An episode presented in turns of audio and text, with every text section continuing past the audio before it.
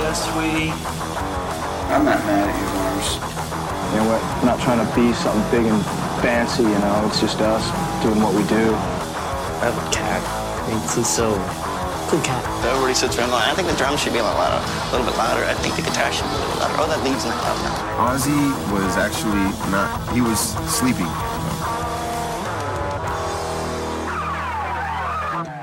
Já, komið þið sæl og blessuð og verið velkomin í podcastið Cthulhu Kallar. Já, Erum við Cthulhu Kallar? hver veit? Eða erum við Cthulhu að kalla? Nei, kannski ekki. Eða kannski jú, Eða er Cthulhu bara að kalla og he- kemur okkur ekkert við? hver veit? En talandum Cthulhu kallar, Já, logoið, logoið okkar. hver hanna það fyrir okkur alert? Vil ekki útskýra það? Já, þetta er sérstætt fyrsti þátturinn sem við tökum upp eftir að við fengum logoið. Við náttúrulega tókum upp svona svolítið fram í tíman og vorum tilbúinu með sérstætt nokkra þætti þegar við loksins, eða við loksins, þegar við fengum logoið í hendutan, hún vann þetta mjög hratt. En það er hún Snæfríður, vinkun okkar, hún er algjör snillingur og hún við sem sagt uh, báðum hana uh, sögðum henni um hvað podcasti væri og svona sagt uh, hvaðan uh, hvað segja, hvaðan innblásturum kom fyrir Call of Cthulhu sem sagt, H.P. Cthulhu. Lovecraft. H.P. Lovecraft, akkurat og hún tók, tók til hendinni og bara vippaði þessu út úr erminu og sér liggum við sko, og því líka mestaraverki sem þetta er sko. Já. ég, ég bara, ég því lít ánaði með þetta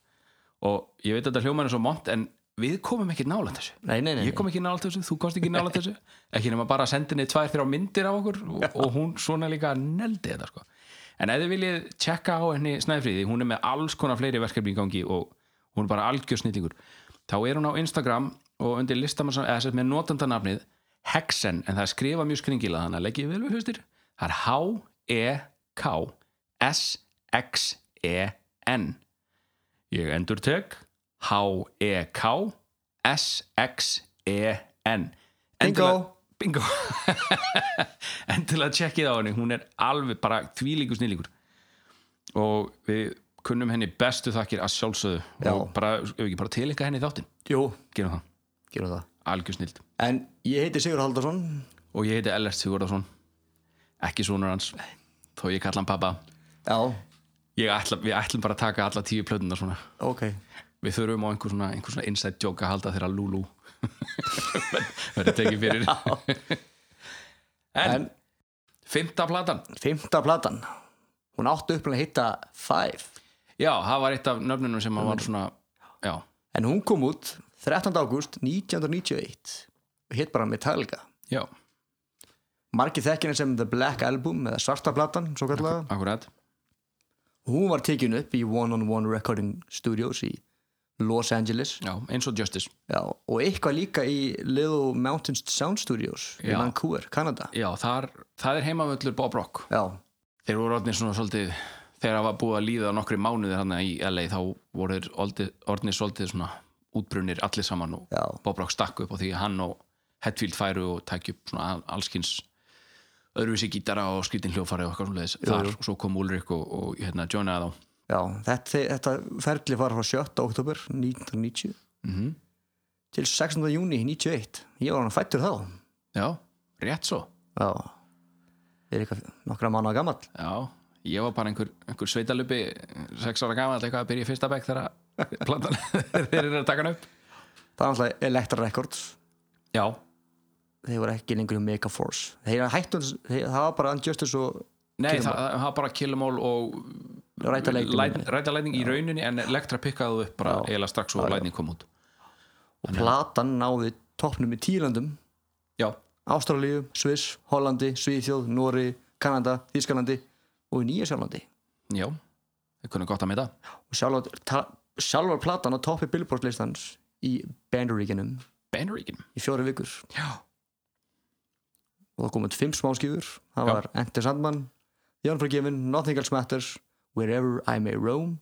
og Sad But True mhm svo var ein svona promo sá- smáskifa, það var Don't Tread On Me það var svona commercial sa- smáskifa, ég skil ekki alveg munin á promotional og commercial en hún var stimpluð sem commercial smáskifa hvað sem það á því að þetta var eitthvað svona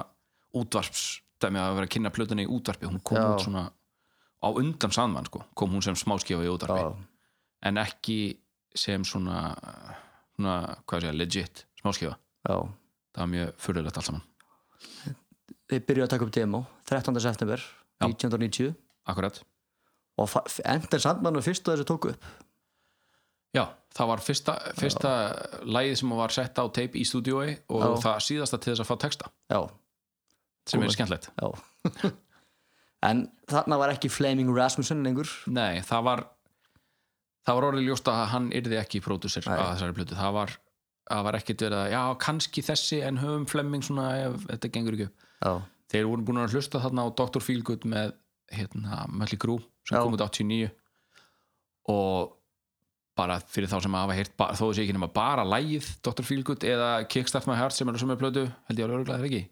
Já, ég held það, þetta er sama soundið Eh, þetta er alveg rosalega feitt og bara þétt sound og já, Metallica vissu sem sagt, sérstaklega James og Lars, þeir vissu að þeir þurftu að fara í svona pakka þeir, má, þeir eiginlega mátti ekki vera að gera s- sama þunna soundið Já. áfram þeir, þeir fannst þess að það, það- það besta að vera eftir í þeim já, þeir fannst að vera, vera þessi plata já og Bob Rock sem sagt, þeir vildu fá hann til þessi út af þessum plötu, þessari plötu þeir vildu ekki fá uppmönd til þess að mixa hana fyrir sig Jú, en ekki ná- til þess að prodúsera hana. nákvæmlega en eh, einhvern veginn snýrist þeim hugur ég, ég kafaði eftir því hvað, það ge- hvað gerðist, ég komst ekki að Já. neinu fannst þú eitthvað? nei, Nei,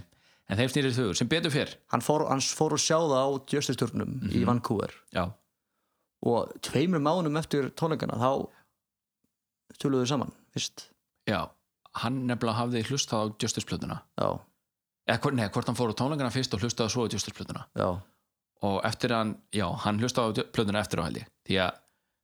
hann bara, hann klóraði sér í hausnum bara, eitthvað, ég, ég skil þetta ekki, þeir eru svo mikið powerhouse live já, en svo er þetta bara svona steingelt og sóttrensaði einhvern veginn soundið þó að Justice sé náttúrulega frábær plata já, en það var alveg rétt hjá honum Já, já. með að við live þá var þetta svo, svo þurr, þurrt og eins og þú sagðir Já. og ég stal frá þér í síðasta þetta ég ætla að viðkjanna það, ég er algjör fíbl Hvað? ég stalaði brandara í síðasta þetta þú sagðir Justice er bara svona svo keks og ég var akkurat að fletta einhverju upp á iPadinum þegar þú sagðir þetta og þetta fór svona svolítið inn um eitt eiraðin út um hitt en, en inn, inn í undir meðvöndundra og svo sagði ég þetta bara svona tveim mínútur senna bara já, þetta er bara svona svo keks rosalegri fyndin en já, ég er fýblið, ég stal af hérna senga brandara hann í síðasta þetta ég byrst afsökunar en mannst eftir að heyrt það að Bob Rock átti ekki að vera uppröðlega laus það var eitthvað ver annað verkefni með Bon Jovi hann hefði verið í fríi með fjölskyldu sinni Já. Bandaríkin? Nei, þetta hef ég ekki hýrt og þar hafði hann séð einhvern svona hvað hann sé bara indjána svona Native American í Metallica ból eðumörkinni Jú, ég hef heyrt þetta nú og, þegar þú segir hérna, þetta og sama tíma sem við ferð þá heyrði hann um Metallica útarpinu og Já. þeir voru aldrei spila útarpi Já, þá hugsa hann, já, ég verð að, ég verð að prodúsera það." kosmosið er að segja mér að, Já. að pródusera það Já, jú, ég, núna þegar þú segir það þá man ég eftir að, ég held þetta sé í hérna hljóðbókinni sem ég er að hlusta á Enter Night, sem ég, púf ég gæti ekki mælt meira með henni því að smáatriðin sem er farið út í í þessari bók, Já. guðminn, góður sko, ég veit sko ég veit meira um sko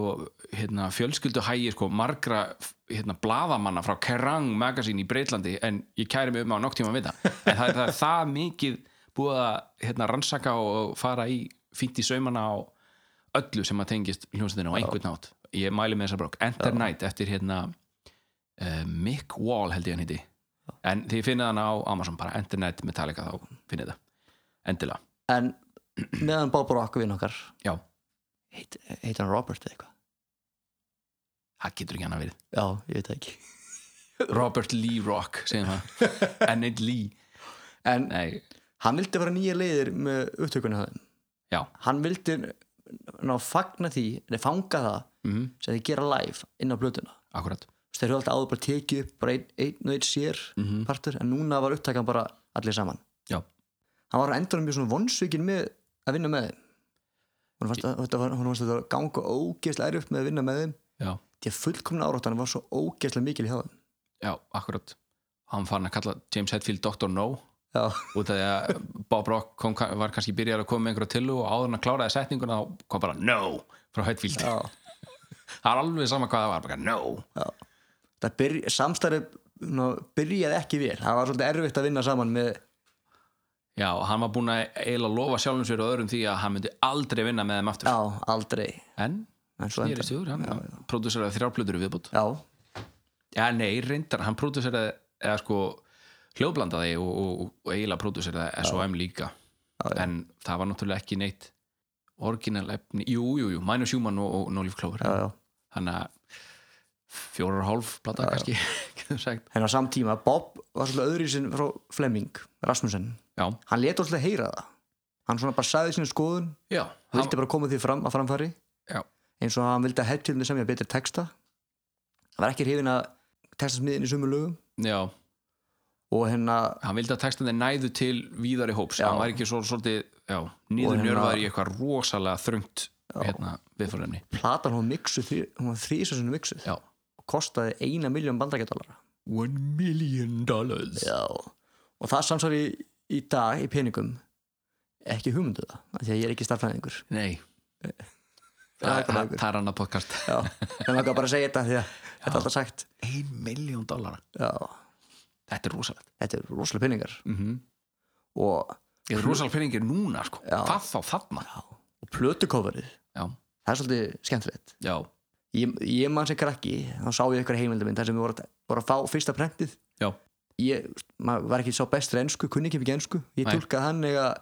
þetta er klúðrast í prentun og þau bara ok, höldum þessu bara já ok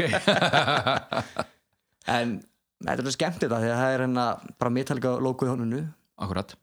svo erum við Upp í vinstra gatstinn horninu. svo erum við gatstinn snákin já, skröldormin já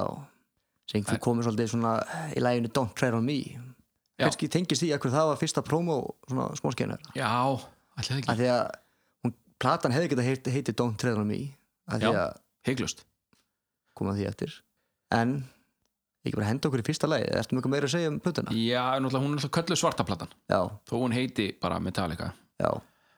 en það er náttúrulega eftir því út af því að sem sagt, hvernig hún var prentu fyrst þá svona ef þú, ef þú snýrir henni ekki akkurat sem sagt, gegn, gegn ljósinu á réttan hátt þá var hún bara alveg svört Já. þú sást hvorki snákin ég Já, já. Metallica logoð og þess vegna fekk hún þetta nickname fyrir auðvitað þá hún var eiginlega bara alveg svört já, hvernig sem hún snýrir henni og hérna þeir fóru að túra hana eftir þessa plötu og, og meðal annars voru að spila á hérna, Freddie Mercury í tributtónleikunum já, og hérna þá komu meðlimir uh, grín, getur við sagt grín hljómsveitarinnar Spinal Tap já, þetta eru náttúrulega bara leikarar sem er að eh, þykjast verið í hljómsveit en, en þeir eru, þú veist, þeir sömdu lög gáfu út lög, þannig að þeir eru hljómsveit það, en það var heimildamyndið eða ekki jú, This Þannig is að- Spinal Tap hann Já. kom hann út hann að, já, s- 80 og s- njah, snemma ég er ekki alveg viss, mjög góð mynd og hérna, ég mæli með henni alveg heiklust, en þeir komu að þeim hann að baksvið, Spinal Tap komu til þeirra og þetta eru náttúrulega ameríski leikara sem er að þykjast vera breytar já, og ég ætla, ég ætla ekki að fara að feika hennar heim en þeir, þeir komu og spurðu sem sagt, Lars og James bara hvaðan, og þetta er alltaf að gerast á kameru sko. þannig að þeir eru að leika þetta og gera þetta svona, svolítið svona skemmtilegt og þeir eru að, hvaðan komið þessi hugmyndum að gefa út að- svarta plötu ha? þá sem sagt gáðu Spinal Tap út plötu sem að hétt hérna Smell the Glove sem er ákistlut námna plötu og hún var alveg svert og þeir vildu meina að þeir hefðu stólið þessi af þeim ekki það, þeim var alveg sama í alvörni en þeir voru svona bara að gera, gera þetta Já, fyrir já. myndavelandar og Jú, jú. hafa gaman og þá segir Lars að hérna, þetta sé uh, tekið frá uh, annari hljómsveit sem að ég veit ekki hvort ég komið fram á 30 merkur í tributónlingunum en uh, það var hérna status quo og já, það var platan hérna Hello, það var sem sagt hún var uh, í nánast alveg svört og, og hérna þaðan kom svona innblásturinn við viljum ekki segja að það hafi stólið Nei. þessu en, en já, en fyrsta lag já, það er Enden Sandman það er drauma heimurinn, mm martraðir Óli Lókbrá, og myrk, myrkfælum börn akkurat kannski ungbörn að dauði fyrsta lagið á 50 plötu og mest spilaðasta lag spilaða lag Metallica já, í útvarpi og sjóvarpi og Spotify og allt 650 miljón sinnum eða ekki á Spotify já, það er bara Spotify bara Spotify, sem þýðir að, að þeir eru löngu komin yfir miljard já, sko. spilar já, já, já Kirk Hammett, hann á riffið í þessu lagi já. og það, sk- það finna er hann á riffið og það er ekkert annað en þetta riff í þessu lagi Nei. það er ekkert annað Mhm. riff sem að kemur það skiptir um tóntegund -hmm. en samt sama riffið í annari tóntegund já þannig að samt til James og Lars líka James náttúrulega átextan og Já. valina og það var náttúrulega Lars sem að uh, gerði það 3 plus 1 í Já. staðan fyrir bara 1 og 1 á það var dun, dun, dun, dun, dun, dun, dun. nei, hvernig ég Já, sem sagt, Körk samt þetta sko fór alltaf strax í Já, hérna já. endan en Lars sað hann um að gera hitt riffið þrísvar og svo hérna það var miklu flóðara já, já, hann samt þetta miðanótt bara já, eftir að hlusta á hérna á Soundgarden Louder Than Love já, ok fengið svona smá inspiration hann ok, cool, og svo fór hann bara að sofa og mæna ekkert eftir að tekið þetta upp eftir þetta á demo sem betur fyrr en svo heyrði Lars þetta Já. bara sagði þetta var mjög gott þetta er mega gott yeah. skýð fínt Guð, þetta er skif mega gott uh, spila Já, en þetta, þessi, textin, hann er svolítið svona Jú, jú, þetta er svolítið dr- drungalegt en Já. ekki eins drungalegt og þetta átti að vera í fyrstu Nei. Nánugu, nei, nei, komdu með það já uppræðlega átti þetta að vera lag um vöggudauða Já, svona Crypt Death og hvað hann já það er ekki annars vöggudauði já jú, vökkuduði, ungbarnaduði Ungbarnadauði, já, ég- og hérna Bob Rock hann var ekki alveg nú hrifin að því ásand og Lars já, já, og þeir, þeir þorðu ekki alveg fyrst að láta James svona segja um þetta væri ekki, ekki, væri- þetta væri ekki cool já, það væri aðeins svo mikið fyrir svona því að þeir vissuðu höfðu í höndunum þ- það lag sem gæti fengið þvíleika útvarspilum Já. en James tók það ekki sér lilla og breytti komið textan þegar við sinna já, hvernig átti uppnöð textan einhvern að hljóma svona já ég, ég veit bara um eina línu sem átti Já. að vera í hinnum upprunalega textanum Það var í staðan fyrir hérna Rough to never, never land Þá átti að vera hérna Disrupt the perfect family já, það var ekki The Sandman hann var, hann var bara, já, bara í- illkynja morðingi og já, drapar dra- sem að koma og draf börn og, Já. og, og hérna sem sagt, þetta átt að fjallum eitthvað eitt tilteki bann sem að var í annars bara mjög ég ætla ekki að segja fullkomin eða svona, jú, fullkomin í fjölskyldu bara já, og þess að mann kemur og drepur þarna unga bann þannig að ég- þetta hefði aldrei náðu sömu vinsaldum með, með þennan texta Nei En í staðin þá fyrir við ekki til Nefur Everland hjá Peter Pan heldur við drungalegt í Nefur Everland já, Martraðinar hjá Sandman já, þetta er svona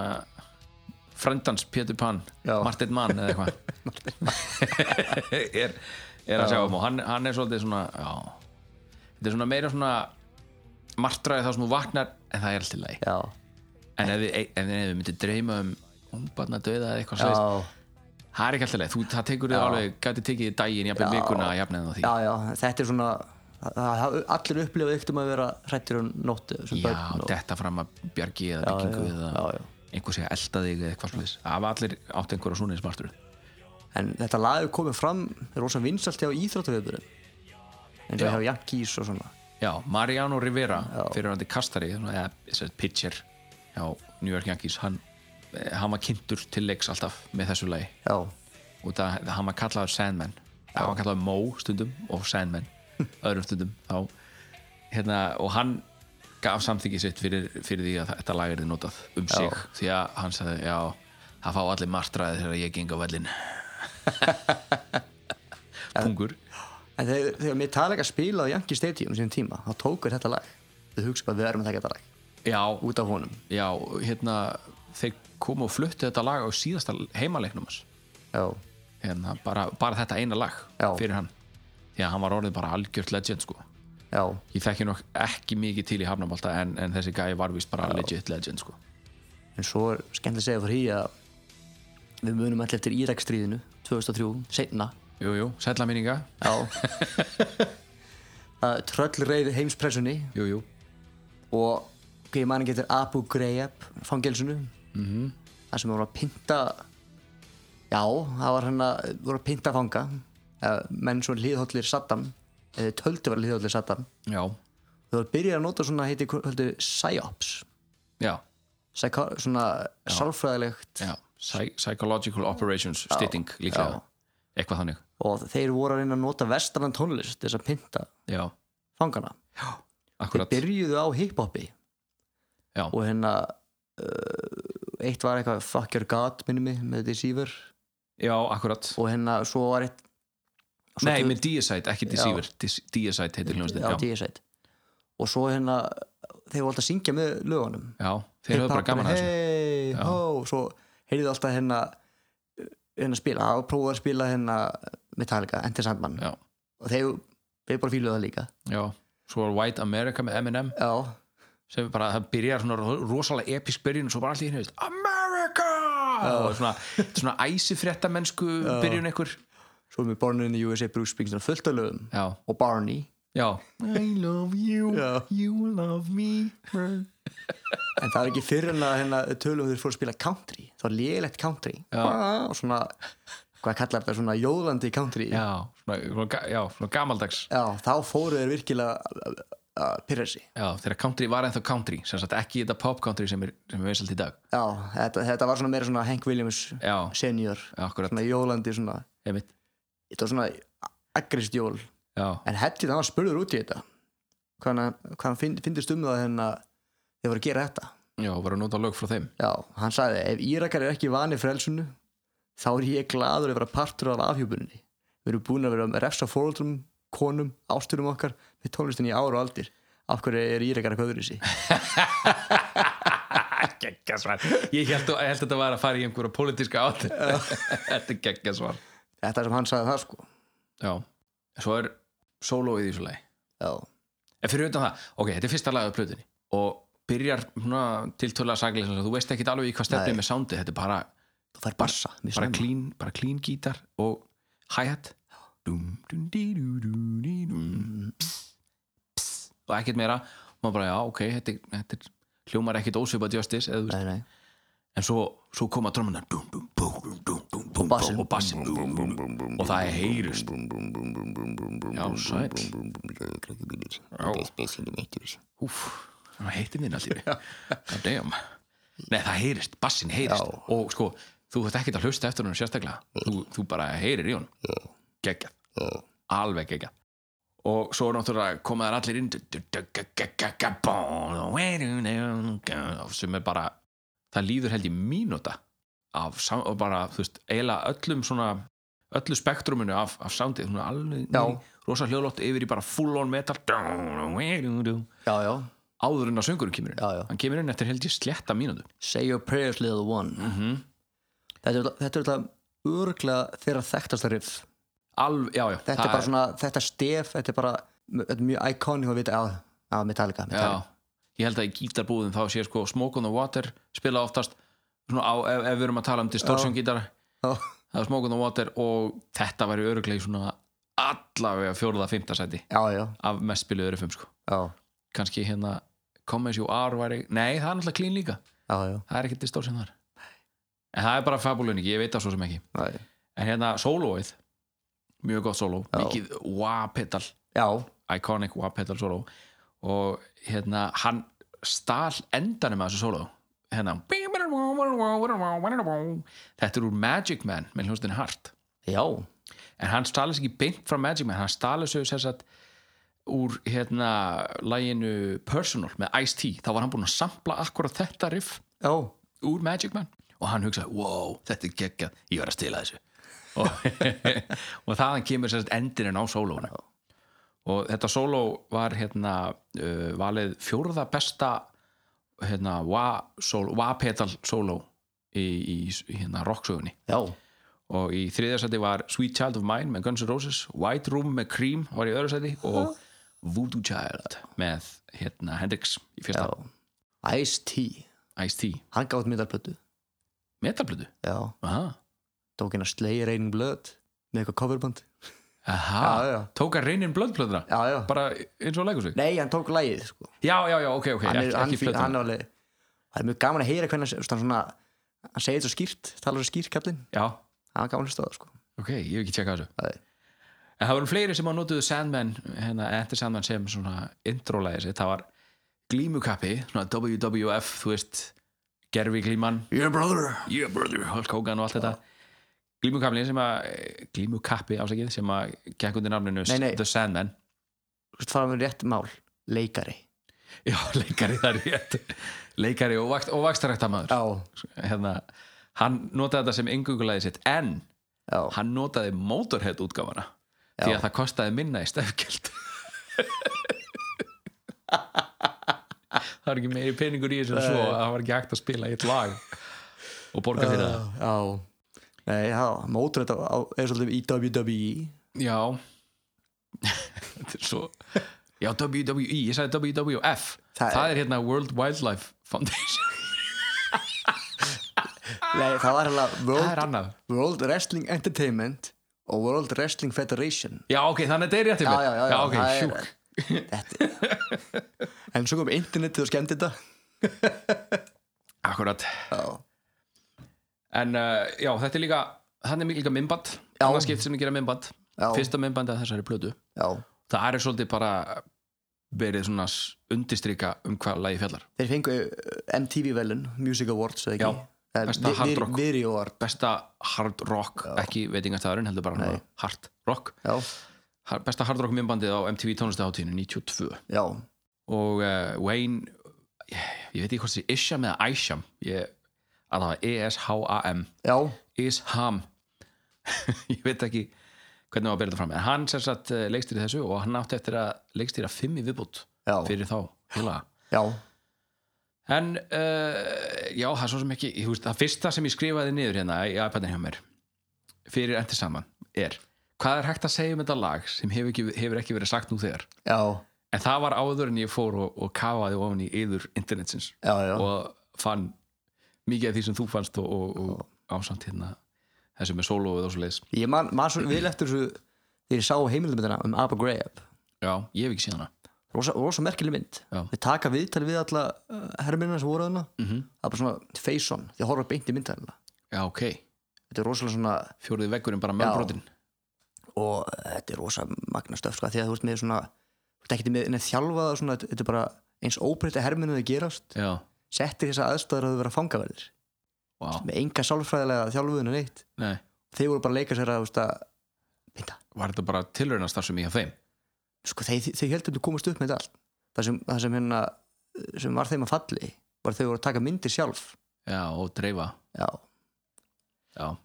það voru konur hana bandarskar konur, Já. hermenn sem voru vestar já, það mér minni það já, það verður svolítið Ok. gróðar Ég er að en, tjekka á já, þessu það er mjög langt sinni sér þessa mynd það er bara úr hreinu en þetta er bara sorg, sorglegt En satt henni satt Gekki tenging Lag nummer tvö já sad but true Þannig erum konir í D Yeah. D-standard yeah. Þeir eru ekki bara sem sagt, drop D Þeir, sem sagt, þeir eru búin að lækka alla strengina Já. um, um D. hérna, tvö frett Já. nýri D-standard en lægið var uppnætt tekið upp í E Já, og hraðar já, og Talvöld hraðar það, virk, og það virka ekki eins svona Nei Ég hef, verið- ég hef aldrei heyrt neitt demo hérna, sem sagt, þetta demo sem að er margum talað en ég hef bara aldrei heyrt það sko, í, í E og miklu hraðar ég, þú veist, ég heyrði það í classic albums bara, svona brot Aha, já, ok, það er mjög svona smá silly en hvort það verður- hvort það það var bara hratt manni já það bara virkaði ekki, um Nei. leiðið átt að kemur bam, bam, bam hann Bob Rock átti hugmyndina því að, að hæja á þessu og setja þetta niður í D hann, hann sagði í hérna viðtali það er hérna Gibson uh, gítarframlegandinn, þeir eru með YouTube rás, þeir eru með svona seríu sem er í gangi hérna Gibson Icons já, Kirk er búin að koma í viðtalana til dæmis og hérna þeir tóku líka viðtalið upp á Brock og hann uh, sagði frá þessu Sad But True hérna hvernig þetta atvikaðist, hann sagði þeir hefðu aldrei spilað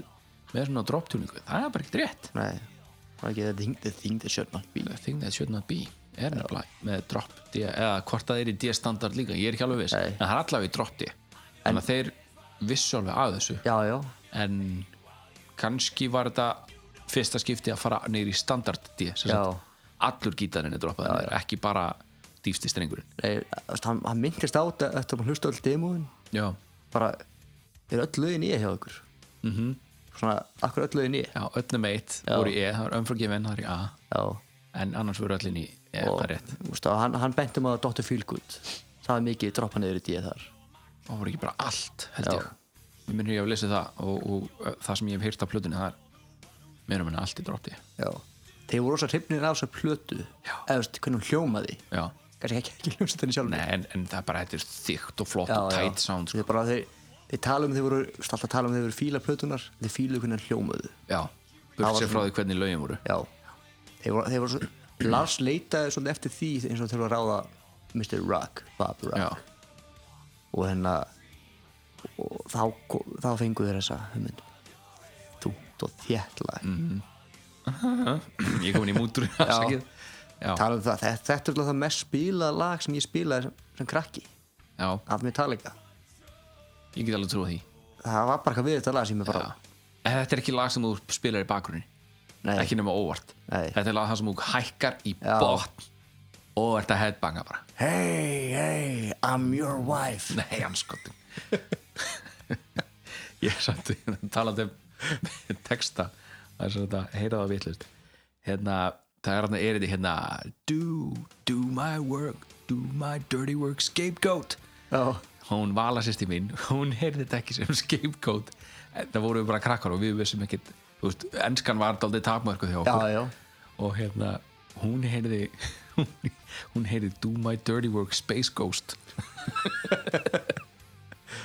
og hún sagði bara, hún er alveg eldri en ég og hún sagði, já, nei, hann segir space ghost ég alveg, já, ok, wow, skrítið já. en svo komst maður að þetta var náttúrulega alls ekkert alls Nei, ekkert nei. rétt. það er rétt þetta er, textin, hann er ekki alveg beint svona eitthvað svona í svona léttra nótunum heldur nei, ekkert frekar en bara eiginlega allt annað með mér talega Já. það, hérna, þetta er svolítið svona já, skitsofrenia Já. daldið, svona, já, marg, uh, hvað heitir þetta, multiple personalities hvað heitir þetta á íslensku fjölpersonu líka röskun, ég veit ekki, ég ætla ekki, að- ég ætla ekki að gíska og nei, móta nei, nei, einhvern, nei, nei, en- nei, nei, nei, nei, nei, nei. Hann, hann fekk hugmyndina þannig að hóra bíómynd já, en að Magic með Anthony Hopkins í aðlutryggi Sörin já, og leikstyrt af Richard Attenborough já, já, hann lék hérna prófessorinn í Jurassic Park já, Já. það var hérna og e, ef þið hafið séð myndina þá fattið þið af hverju að það ekki hugmyndur texta já, hann, Anthony Hopkins, hann leikur hann að sko, kviðkvöðul eða Já. búktalara það er orð sem að ég hafði ekki heyrt fyrir daginn í dag kvið kvöðull já, þar sem hann er með dúkuna sína já, og sko, ég, það er mjög langt síðan ég sá þessa mynd já, hún er svona sko, ég sá hana bara, ég- ég- hvort ég hef lent á hana á okkur sjó, eldralandi sjóðsás fyrir slísni já digital Ísland var á þessum tíma Já Mændi því og hún, hún heldtökum alltaf Já, það er að því hann er svona hann er, hann reynir að reyna að vera koma eins og framfæri sem hvið kvöðull eða hugtalari já, dúkan er svolítið að stjórnanum en hvort ég sá hana, ég var svona ungur ég sá hana já það áttaði mikið á því að, að dúkan væri hann sjálfur, raun og veru Já, var ég held að svona- það væri svona meira fantasi Já, dæmi á hún dókum er að- væri í alvörunni hún, hún, er að í henni. stjórn, hún er að stjórna honum þetta er bara hans eigin geðveiki Já, og sem ger hann því þitt fær hann já, já búktalara, eða kviðkvöður En veistu það, ég, ég var að vinna á hérna, í svona leikhús hljómsveit þar sem að komu allskins skemmtikrafta þetta var sérst erlendis og ég gerði þetta í sjö ár og það komu stundum einmitt búttalarar og sér, þá vorum við bara svona við vorum basically bara svona backup band fyrir svona headline hérna, skemmtæðatrin og það komu stundum inn búttalarar og maður var búin að heyra alls konar sögur ég er enda lent ekki í því sjálfur en það voru alls konar sögur þar sem að sem sagt, það var búið að ringja í þá og þeim satt bara ekki að herja og það er æfing hérna klukkan tvö og svo er sjóið bara klukkan hérna svo er sjóið klukkan sjö og svo annað klukkan níu já, og þeir kannski svöruðu og, og svöruðu svona með svona kannski einhvern svona skringilegri röddu en svo sem var, sem sagt, var að ringja í þá viss alveg að það var engin annar í herbygginu og svo verður klukkan árið tvö þeir eru hver ekki sjáanleir klukkan hálf þrjú, hver ekki sjáanleir svo klukkan þrjú, þá bara ok, þá er að fara að ná í þá og það sagt, heyrðu, akkur er þetta ekki mættur bara, það var ekki búið að láta mig við það jú, ég ringdi í þig ég ringdi þú svaraðir Aha, svaraði ég eða svaraði hérna herra Georg eða einhver, einhver, einhver Já. tóka varst að tala við mig eða varst að tala við Georg þú veist, maður, maður heyri sögur að, að það væru menn sem eru svona langt litir og kannski, kannski bara svona extreme joke sem er óþólandi já eða, eða einhver geðveila, ég veit það svona ekki svo Jeff Dunham, já, mist hann hundleðilegur sko, sko reyningskilin, ég bara hann er að mjölka sama grínið í mörg ár já, já, kemur mig aftur já, eitthvað akkurat dead terror þetta er alveg, Þetta er hrikalegt þetta fyndi fyrst en ég er ekki alveg En- Nei, það kom smá skífa af því að þetta er svolítið stór partur af þessar plötu já það var lagið So What Já eftir Anti-Nowhere League Ó, þetta er svo gott lag Já. en á þeirri upptöku þá sprengdi ég hettilísu röddina Já, það var svolítið, það þurfti að fara nýja leiðir í söng Já. eftir, svolítið eftir það og svona meira fókus eða kannski meira á að hugsa vel um sig já, hann var náttúrulega búin að vera að öskra bara Já. á einhverjum uh, 300 pluss tónleikum sá ég einhvers þar að þeir voru búin að halda meira en 300 tónleika þess já. að koma fram 300 sinnum þar sem hann er bara öskrandi þannig að ekki skrítið að hann hafa sprengt sig nei, og fóra einmitt til ykkur prest, nei nei kirkjukórs Já, stjóra já, og þetta var ekki bara einhver svona einhver Nei, kirkukunstjóð nei. út í bæ Þetta- hann, sko, hann var með einhverjar margar sko, gullplötur upp á vegg sko, hann búin að hjálpa einhverjum öðrum já, já, stórum söngurum en ég, ég gat ekki fyrir mitt litla líf fundið nafnið á Nei, þessum nei. gaur en hann hjálpa honum já, já, og, og kom honum í gegnum eða sérst kom honum í eitthvað svona einhver svona æfingu og til þess að sérst, viðhalda röttinni já. og ég vil meina að Hetfield hafi aldrei hljómað eins vel á plötu eins og á svörtuplötunni svörtuplötunni. það er bara hann er bæði komið með chops til að syngja svona, hann er, er svona teknist kontról já. hann er ennþá með með þetta svona grál, þetta svona já. þetta típiska distortion í röttinni Jú, jú. og Hann Já. sam, samhjóma sér betur líka já það, það, á þessari plötu og, og já, eitt, svona eitt og hálft ár eftir að þeir byrjuðu að túra já, fannst mér að vera á toppnum já, já, rallega síð og var alveg unun að hlusta á hann sko. já, ekki það, ég sko ég myndi, þú veist, ég myndi pissi buksunar á spenningi að heyra á núna live Já. bara ef það væri á eftir Já, en við alveg sama þó hann, en þú veist, hann er náttúrulega hann verður bara að komast í gegnum sjóið og auðvitað er hann ekki að fara að öskra eins og þegar hann var 25 ára nei, nei, það er ekkert hægt en þarna fannst mér hann bara já, algjör bara algjörlega á topnum já, og þessi þú veist, brr, brr, brr, brr, brr, brr, brr, þessar fyrstu þrjá nótur brr, brr, brr, þar eru teknar upp sko, það eru miklu fleiri gítarar Já, á upptökunum sem spila já. bara það brr, brr, brr, og það er verið að sprengja hátalara við það þú veist, með því að keira það of heitt og svona bara til þess að fá þetta Já. óurlega þú veist, ó, þetta, þetta óurlega svona þennan þéttleika já. Og svona, þetta er sól og svona, svona þetta er svo blúsað og Já, en að- þannig Körk sko Bob Rock skammaði hann svolítið hætt, segði honum að hætta að sína sig og spila meiri svona eins og David Gilmour meiri blues og láta halda nótunum Já. en auðvitað var náttúrulega líka að sína sig smá, eða svona, með svona chops en þá meira verið að með, með svona flotta blueslega frasa sem Já. passuðin í lagið bæði sólóin Ja, ok, solo og svo þetta litla hana þarna í lokin já, það er líka bara, þetta er ógeðslega, ógeðslega einfalt en þetta bara passar já, og það var, sem sagt, þetta var ekki bara hann mætti ekki bara í eina viku inn í stúdíu og, Nei, og nei. samtidig sóló það, það var bara, í, bara allt ferlið á plötunni þar er Körk að semja sóló og, Já. og hérna eins og sást þarna í Year and a Half hérna, Unforgiven fíaskóið sem að það var á- eh, áður, þú veist, áður en að loksins rétt á sólóðu kom já. Þetta var, þetta var líka farið nýja leiðir. Það var bara menn og rátti vinna. já,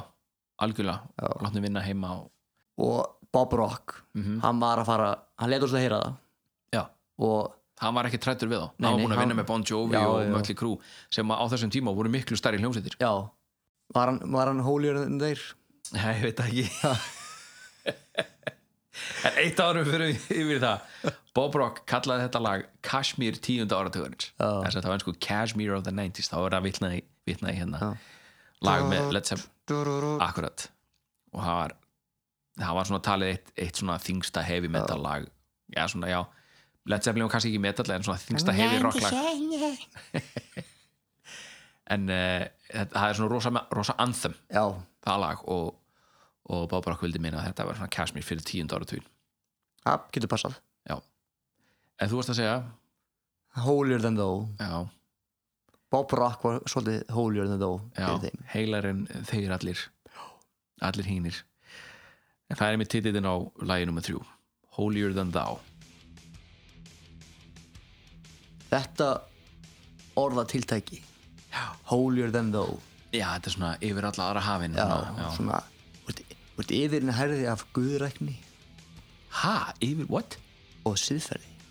wow, Já. god damn þetta er svona einn upprænlega svona lýsing sko frá Já. 1500 eða 1700 eitthvað djúðin súrkall bara geggjað já og hérna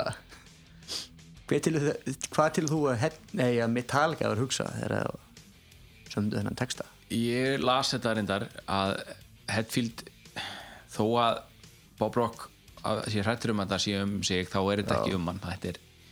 þetta er um svona uh, aðalöfum blaðamenn í tónlistabransanum svona þykjast vita þykjast vita betur en, en hérna, þeir sem að s- eru að semja actually semja lögin og, og vita meininguna bakvið og, og eru svona setja sig á einhvern háan stall og segja já þetta lag fjallar um þetta og mér finnst það bara glatað og ömulegt og, og það er eins kannski og- eins bara og ég þú vorum að gera það Akkurat nei já ég sko eftir heyrði þessa lýsingu hvað var í Bob Rock mér fannst það svona passa því að hann taldi að þetta er því sko smellurinn á plötunni Já, hann, það, er, það er fest á filmu það sem hann segir að já, Holy Earth and Thou á að vera fyrsti, fyrsti singullin Já. Ég get alveg skilið það já já En hann sagði reyndar hérna, mér til varnar, þá var þá var ekki komin texti við neitt af lögunum já og þetta lag hljómaði svona svolítið mikið svona þú veist, það var agressíft, þetta er típist það er svona rosa typical metallica riff og þú veist, þú leist bara rosalega vel á þetta það væri grípandi riff og eh, ég, ég get ekki verið eitthvað að bleima hann sko fyrir þetta, þetta er, ég finnst þetta geggja lag Þetta En er Hetfield reyndar- saði í þessu viðfræja Playboy viðtalið 2001 Já, og finnst það að vera smá silly já það var svona, það var nú náttúrulega búin að þroskast upp úr því að- að Já, vera að velta, að velta, sér, velta fyrir sér hvað aðrir eru að hugsa um hann já, já mér finnst hérna að, að það er einn kapli í þessu lagi Vá, ég, er að, ég er bara í mútum í dag það er einn kapli í þessu lagi það, er- það sem að hérna það droppar allt niður nema mm. bassin það er akkurat eftir sólóið Já. sólóið geggjað bæðu vei og hérna það droppar allt nú þegar maður trómar á bassi og það er svo töff bara trómar á bassi maður bara ok, geggjað svo kemur einn gítar og þú heyrir það er bara einn gítar sem kemur með gang, gang, gang, gang, gang, gang, gang, og svo kemur annar gítar með og svo kemur þriði gítar með og þetta er bara, þú veist og aftur er ég fá gæsa og þú við bara tala um sko, lag sem að hérna, já, sem vorum að hlusta bara rétt í þessu þetta er, þetta er svo ógeðslega töff sko grípandi stöf já, sólóið það er svo mér finnst það, svolítið, mér finnst það svo vel út hugsað þú veist það, það, er, það er svo ótrúlega skýrt að það það voru engin slis á þessari plötu Nei, það var allt saman þú veist, það var allt, öll púsluspil voru slípuð til þannig þau pössuðu nákvæmlega Já, inn í já. myndina og Körk, það var, þú veist, það er það er valla sóló á þessari plötu sem ég finnst eitthvað slæmt Nei. nei, það, nei, okay, það er ekki sóló á þessari plötu sem ég finnst slæmt nei, sum finnst mér betri en önnur eins og Sandmann-sólóið finnst mér ekkert eitthvað brjálæðislega flott það er, það er iconic og allt það en ekki eitt af hans svona allra bestu sóló Nei, nei. en þetta sóló fannst mér bara bara, húst, bara vel smíðað úthugsað, geðvögt þeir þeir voru líka djöfulli lengi í stúdíói á þessar blötu já, og allir saman, allar tíman já, nákvæmlega þetta var ekki eins og á Justice þegar Kurt- Nei. nei, hérna, Jason kom inn í einn dag og Já. tók upp bassan sinn og fór svo út Það hefði verið sko gott að hann geta gert það já, það hefur verið geðvögt með hvernig vinna var á þessar blötu þeir Já. voru að vera geðveikir Akkurat En það, það er á hérna í year and a half myndinni Já, þá sem sagt er þetta lag að spilast í bakgrunum og það er einhver sem er að hérna sem er að spinna út eða spinna út á hérna einhverjum bíl á, á hérna bílastæði já, og það heyri svona í hjólunum í hjólunum sem sann þú veist, þeir eru að þú veist bara hérna reikspóla já, og í mörg ár eftir á stóði ég í þeirri meiningu að þetta væri í læginu, þetta hljóð að þessu reikspóli og það var ekki fyrir en ég fór svona fór svona aðeins að hlusta betur bara í setni tíð að ég aukvitað, já ok, nei, þetta er bara í myndinni Já. þetta er ekkert í læginu en mér fannst þetta passa, Já. mér fannst þetta bara geggjað Já. mér fannst þetta óslega flott en ég verða við ekki hérna, ég fann ekki mikið meira um þetta lag nei ég... Þetta er, mér líður smá til sem að segja smá filler það lag það er svona, Já. kannski þetta er eitthvað æja, þetta er ekki eitt af þessum iconic lögum á svo plötu já, þetta er ekki ja, iconic og næsta lag á plötunni ó nei heldur betur ekki. fjarkinn fræði já, þa- þarna er honum gefið heldur betur góð skil já, það er lagið The Unforgiven já þetta er kúrakalag svona feelingurinn í Já. byrjun já fyndið að svona metallag sé ekki fyndið, svona spes pæling að hérna, þetta er metallag metalballaða já, sem er innblásin af svona spagetti vestra þegar hún er mjög hrifnir af honum Ennio Morricone heldur betur en það var Ecstasy Gold, það er bara uh. já, það spila nú á undan nánast hverjum einustu tónleikum já, það, heyrði, já, það er, er eitthvað sérstætt tilefni ef að það er Já. ekki að gerast sko. og þetta er þetta byrjun og stef já og líka tóknin já, hann á að vera úr annari já, já, úr Ennjó Móri konumynd já, já A Few Dollars More er, er eða þú veist, eða hann gerir tónlistana óstaðfest já, já, hann, hann Eða gerir svona, þetta er svona reversað já, stef spil, spilað aftur og bak þessi tóknan á undan áruna hérna, klassik gítarinn kemur inn Dang, dang, dang, dang. þeir hérna, þeir svona hafa alltaf því staðfest að þetta sé úr few dollars more en af hérna lagalegum ástæðum og höfundaréttar ástæðum þá hafa þeir ekki staðfesta byrjum orðum Nei, en þetta er svona, þetta er svona þeirra svona tribut myndi ég segja, Þessi að þeir voru svo hrifnir að þessu Já. það er alltaf hettvild, veit ég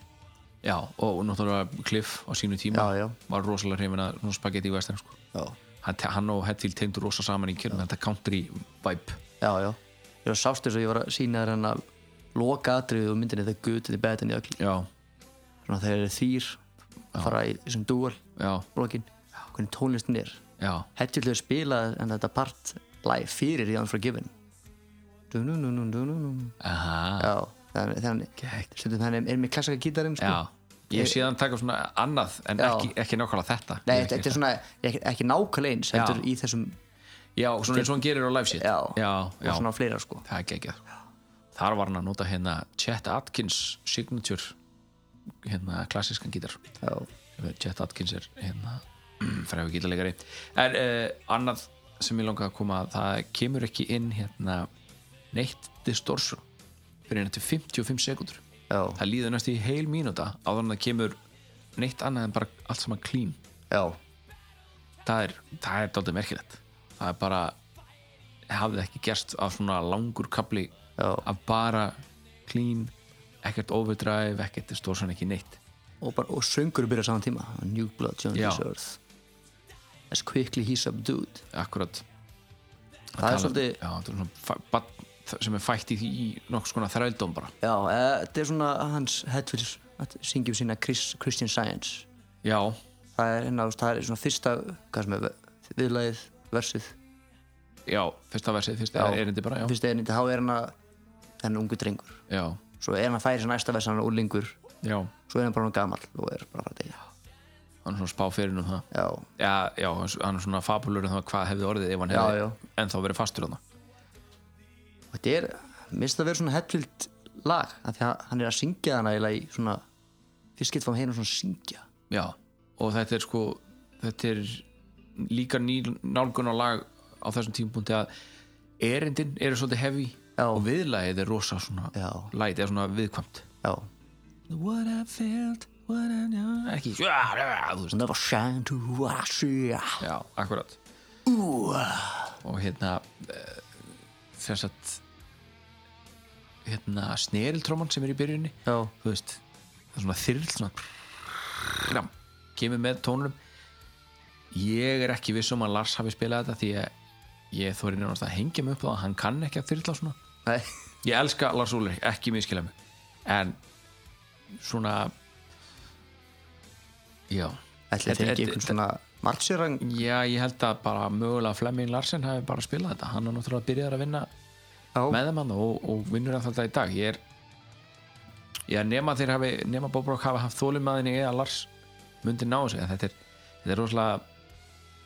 já, þetta, þetta er ekki eitthvað sem þú getur bara hent í og gert Nei. þetta er eitthvað sem þú þarfst að læra sko. þetta er kunnáta Já. þetta er svona, þetta er þú ert að byrja að tromma ungu drengur og já, mig, mig grunnar að annarkvort hafi Flemming Larsen gert þetta eða þeir hafi bara ráðið einhvern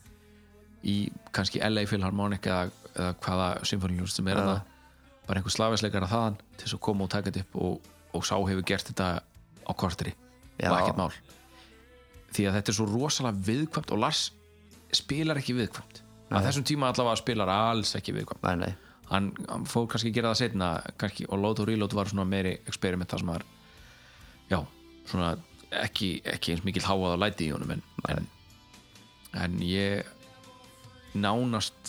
já, ég myndi nánast voru að veði upp á það að þetta var einhver, þetta var einhver annar pró slagafisleikar sem kom inn og gerði þetta upptökunar á söngnum já, í þessar, á þessar plötu voru Já. að gera öðru sig já, hann, hann, sko ég las hann hefða alltaf tekið upp í svona sikkurum tökum þetta vild, já, hann var alltaf doblaður þess og að, doblaður og hlusta alltaf sjálfum sig í heimnatólum já, en þessar plötu þá letur hlusta á sig í hátalurum já, þess að ná að svona að samhljóman betur og svona já, eins og hann væri að syngja með hljómsveitinni, Já. þú veist og væri bara með sig í monitor, já, já, og hann, sem sagt, Bob Rock stilti upp hátölurunum þannig að þeir sem sagt uh, það var, þeir, f- hérna, hljóðið fasaðist út já, þeir sem sagt, ef þú stillir upp hátölurunum nákvæmlega rétt eða, eða rámt í einhverju tilvíðum en, en að, í þessu tilvíðu var þetta það sem þú voru að reyna að gera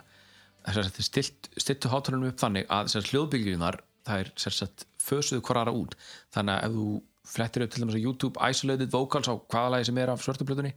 þá miða við háaðan sem að var í hátölunum inn í söng hérna klefanum með honum þá heyrist eða ekki neitt í þeim nei sem er stórmerkilegt og það er bara þú veist, það, var, það var nákvæmlega bara upp á millimetr hvernig átt að stilla á þang til að akkurat já ok, þarna heyrist ekki neitt í þeim Nei. þó þið séu á fullu blasti já, þetta er stórmerkilegt, þetta er, ég skil þetta ekki alveg nákvæmlega Nei. en ég veit svona, já, í grunninn hvað, þetta hvað er eitthvað sweet prinsipið er science sweet science þetta er á talandum röddina vinur okkar Dave Mustaine já, hann vill, þetta er hans uppáðs lag hann var mjög- hann- hann var mjög lengi hann, hann tók hann mjög langa tíma að vilja hlusta þessum gömulum félag á Metallica eftir hann reygin já og, og eftir, ég held, gæti verið þessi plata þannig bara hlustaði aftur ekki gott að segja, ég veit það ég ekki veit ekki, en hann tala um, hann sagði, sagði við Lars að þetta væri hans uppáðs lag af þessar plötu já, all, allavega fram að þessu Já, af því að út af söngnum með Hetfield Já, Hetfield uh, hann vildi hérna hann fekk svona svolítið innblástur af Wicked Game með Chris Isaac Já, og hann vildi að viljaði hljómaði svona svolítið, svolítið eins og Chris Já. Isaac að syngja Wicked Game en Bob Rock sagði hann bara, já, hann er að syngja hann er, þú veist þú heyrir það, hann er ekki doblaður þarna nei, og ef þú vilt fá þetta þá, við erum ekki að fara að dobla þig þá nei, þú verður að syngja og þú verður að performera lægið já, og er að lífað inn í það og að hann, hann be- náði að veið upp þennan þetta geggjaða vocal take já frá Hetfield Þi- Þeir tölum að þeir eru bonda svolítið yfir að taka upp söngin í svo lagi já, Hann Hetfield og Bob Rock yfir Það því að erfið vinna já, Endunum verða menn bara, þú veist byrja að læra að bera virðningu fyrir hvort öðrum já og líka bara Hetfield þurfti svo rosalega mikið að svona svolítið að opna sig til, Já. þess, að- til þess að syngja þetta samfærandi Já, já, og það þý, þýtti ekkert að vera bara með, með veggin uppi og öskra sko. var ekki líka að mann hafa svolítið erfið við Körk fór sólum í svo lagi heldur betur þegar ykkar sem hafi séð hérna a year and a half uh, allavega fyrir myndina þá sést það sem Körk er að spila inn það sem ég ætla að vona sé eitt af svona fyrstu sólóunum sem hann var að reyna á, það er ekkert Og sé- það sést til Lars hérna halda fyrir eyrun á sér og eitthvað í bakgrunnum því að þetta er svo agalega hérna bara passar ekki inn í læð ég veit ekki heit, Og Bob Rock sér, ertu ekki í sólagítarspilar ásins? já, kóttu með fucking gítarleikara ársins sóló, Já. let's go já, ha, þú ert aðal maðurinn, já, já. síndu mér það og hérna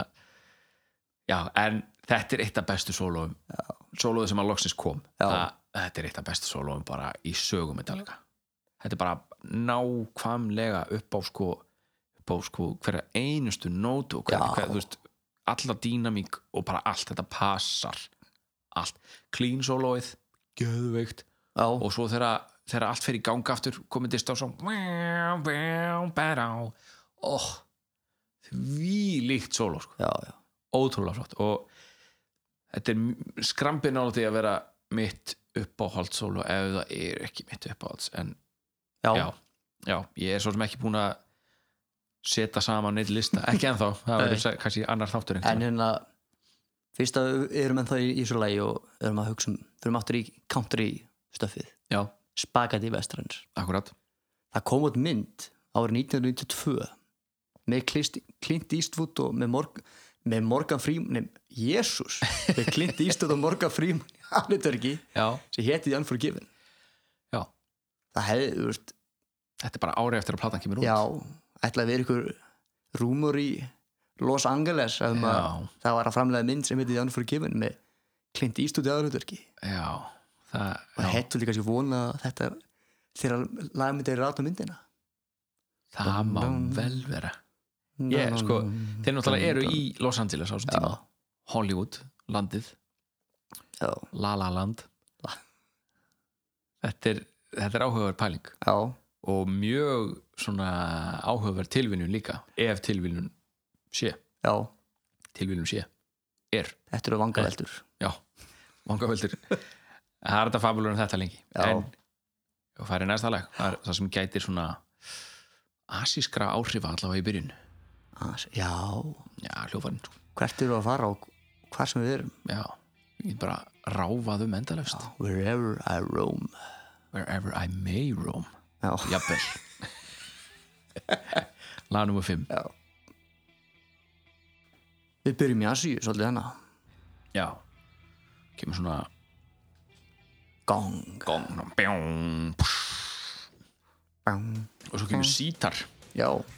hvað er sítaralert? góð spurning uh, ég, ég held að þetta sé indverst uppruna, sítarinn, sítarinn sem sagt, þetta er strengja hljófari sem er, Ítlan voru að unna mikið með það já, Ravi Shankar spilaði þetta, sem sagt, þetta kemur inn í poptónlistuna fyrst í gerum býtana já, og sem sagt lagi Norwegian Wood þar er George Harrison búin að hérna eða Norwegian Wind nei, Norwegian sorry Wood. Norwegian Wood, þar hérna þar var George búin að svona rétt svo læra nóg á sítar til þess að spila þessa og hann svona rétt náða að hérna, plokka þetta að finna út hvernig þetta spila þetta á sítar þetta er svona, já, þann, þarna kemur sítarinn fyrst inn í eh, svona vestranna pop eh, tónlist og þarna spilar Körk á svona rafmaks sítar já, hvernig það lítur út veit ég ekki en ég veit að þetta var Dan Electro sem er nú ekki þekktasta gítar framistu fyrirtæki í heimi en jújú, jú, samt alveg þokkalega þekkt og þetta var sérstaklega Ramax sítar sem hann spilar á hann þannig að það fá, fá við svona svona There's a place in France where the women wear no pants eða hvað, hvernig, það, hvernig sem er- þessi það er texti er svolítið, þeir eru svolítið eksperiment með mörg hljófari Já, það er rosalega mörg hljófæri sem að f- rata inn á þ- hérna, þetta lag sem að líka heyrast hvergi annars það sko. tólstrengja bassin Já, wow. þegar, þegar allt fer á fulltækjum dú, dú, dú, dú, bá, hana, Já. bá, það kemur svona ég sagði, ég sagði þegar við vorum að hlusta á þetta en það var svona byssu hljóð eða þetta er- þetta er svona byssa og svona pínu svona þruma svona blanda saman einhvern veginn og það er þessi tólfstrengja bassi ég er algjörlega ósamlegaður Ok, það er bara geggjað Hvernig finnst þér þetta hljófa? Ha, mér finnst það bara hljóma eins og svona eitthvað svona heldur hún bara eins og bassi bara svo s- bara grjótharður bassi Já, bara svona, það, slengur, slengur, strengurinn er það slakur að, að Já, það bara kemur ekki bang. tótt. Það er bara svona slapp einhvern já, veginn. bó- já. Já, Það, það, mér finnst Já, það það er bara- bissukúla sko, það er já, en mér- mér fannst þetta bara svona einhvers staðar hann á milli þrömu og byssugúlu. já, þú er ósamlega, þú kemur mér að skjóta þá eru við strax ósamlega Já, já, já, það getur vel verið. Kannski þetta svona svipa og þröma, að ég veit Já. ekki. Um, textin í læginu já, finnst mér uh, hljóma svona eins og þessi svona óður til tónleikaferðalagana. já, svona Wherever I May Roam en, en það fóru þér á tónleikaferðalag eftir þetta sem á að kallað Wherever We, May Roam já. og þess að mér finnst það gaman fyrir ekki þau já, nei bara, eh, þú veist, hvernig textin byrjar and the road becomes my bride sem er svolítið fyndið því að þrír af þeim voru að gangi í gernum skilna þegar upptökur byrjuðu, Jason, Kirk og Lars voru allir í gangi í gernum skilna já, já, James var ennþá með, með kæru og þarna en það það, það hérna hvað það hefur ennst eitthvað lengur nei, ég held ekki Nei. það var rosa erfitt að grafa upp svona sambands, sérstaklega sambandsslit hjá James já, það er hann var svo private maður já,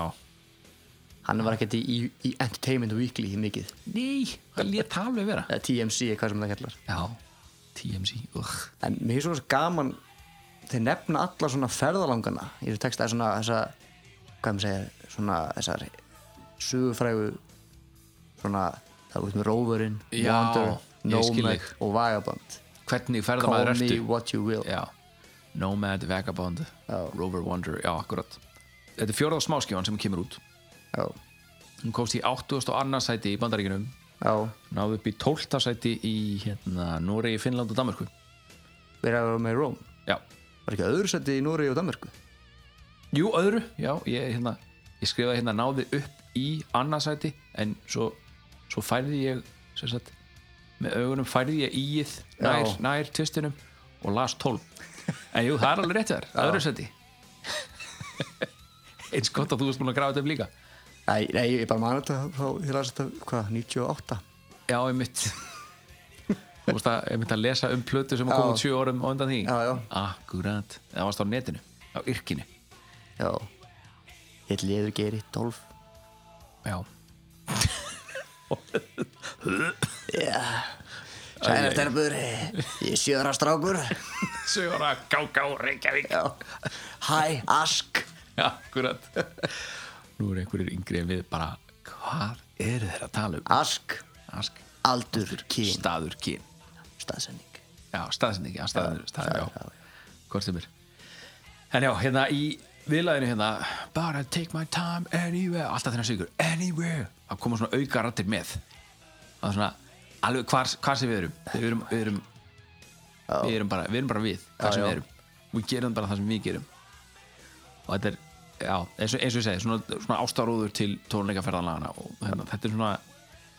ég tengi þetta og Whiplash svolítið saman, Whiplash var svona ég ætla ekki að segja ástaróður, en svona tilenga svona óður til aðdáðandana og upplifu, upplifunarinnar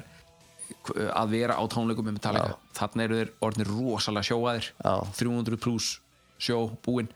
og, og þeir eru bara þeir vita alveg nákvæmlega þú veist, hvað það er að túra og það er svona ein, mætti að halda að James væri bara skegn og missi að þeir, að þeir áttu núna tvö og hálft ár framöndan Já. að túra þessa plötu það var, var þetta ekki bara langstæðst túrin þeirra eftir, Jú. svo, það voru nokkri túrar eftir, það var wherever we may roam Já. og oh, mann ekki að hinn voru kallaðir, þeir voru kallaðir Já. eitthvað Nowhere Else to Roam Já. var, eitthvað- var eitt þeirra og svo sko eh, þegar þeir voru byrjar að vinna að, að load þá tóku þeir nokkur sjó sem að, að kalla Escape from the Studio já, og það reyndar voru þeir byrjar svona aðeins að laumin einhverjum nýjum lögum en,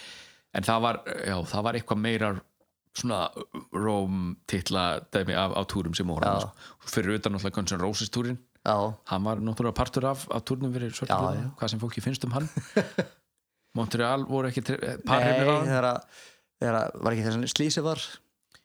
Jú, þar sem að, þá er James að spila introið á Fade to Black, hann Já. er að spila á þess að Double Neck ESP Explorer sem er bara styrlaðasta hugmynd í heimi Double Neck ESP Explorer Já. hann er með 12 strengja öðrum megin og, og hérna, allans ekki með 12 strengja af evri, getur trúið því en hvort sem er, og hérna það er sér satt fyrir þau ykkar sem ekki vita það, þá uh, var James ekki alveg með á hreinu hvar hann átt að standa Nei. og það var fullt af svona pyrotekni svona, svona, uh, svona ekki sprengingum heldur bara svona eldum Já, sem já. skutist upp og þetta var ekki bara eldur þú veist, eins og þú kveikir í einhverju Nei, spýt nei, út í nei, garði sko. þetta, er, þetta er efni sem að springu við nokkur þúsund gráður sko. já, og, hérna, og loga bara í stuttan tíma og svo er það bara búið þannig að hann stóð yf, akkurat yfir einu svona Já. og hérna sem sagt, fó- þetta fór upp, var þetta ekki hægri handlíkurinn á hann jú, mér minna, ég Já. man það ekki fór upp hægri handlegin á honum og, og, og, hérna, og hann, þeir þurftu náttúrulega að, að, að hætta já, já, þá og þegar hann hell og fór beint á spítalan já, og Guns sjálfsögðu- Roses hefði getað komið og verið bjargvættir já, en Axel Rose sko, gaf, nei, ég Já. ekki þessu við hann var, hann var baksviðs Já. nei, nei, þeir, þeir, hérna, þeir fóru já, og, og hérna, spiluðu en svo tók Axel Rós bara eitthvað frekjukast já, já, og bara sa, basically sagði, ég man ekki alveg hvað hann var sem hann sagði en hann sagði basically krátinu bara fokka sér bara já, eitthvað, það eru farnir, fokk ykkur og þeir spiluðu bara einhverja 20 mínútur af einum og hálfum tíma sem að Já. að búa að lofa þeir hefðu geta, eins og þú sagðir, komið og bjarga deginum og, og þú veist, þá var allavega að fengja áriður eitthvað já. en nei, það var bara þ- því líka ræjot já og hérna svo Óeirir. komið þið baksviðs og, og Jason var hérna hann að baksviðs en þá já, og hérna hann, hann fer og svona bara til að grenslast fyrir hann bara hann að hvað hva gerist, akkur spiluðu þeir svona stutt þá er hérna Axel Rose að reykja sígartu og hann er með svona, svona eh, hvað heitir þetta, ekki, ekki statifeldur svona sígartu svona haldara þar sem þú setur sígartunar inn í endan og svo er svona löng pípa þannig að þú þarft ekki að þú veist, snerta sígartuna Nei, sjálfa nei. og vera gulur á puttunum hann er með svoleiðis að reykja þannig og hann sagði bara, "Já, ég er eitthvað ég er eitthvað slæmur í hálsinum og meðan hann er að súpa kampaðin og reykja sígartu og,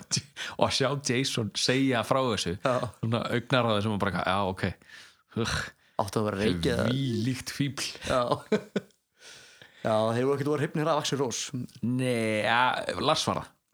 Eftir að hérna, Lars sá hann í hvíta leðujakkanum sínum þá kefti Lars sér líka hvítan leðujakka hún fannst það svo cool sko. já, ég mann hættil voru að gera mikið grín á honum já, Já, þeir allir held ég voru að lesa, lesa listan hans hann að baki Já, le- le- listans Axel, Axel Pose eins og hann kallaði það. Axel Pose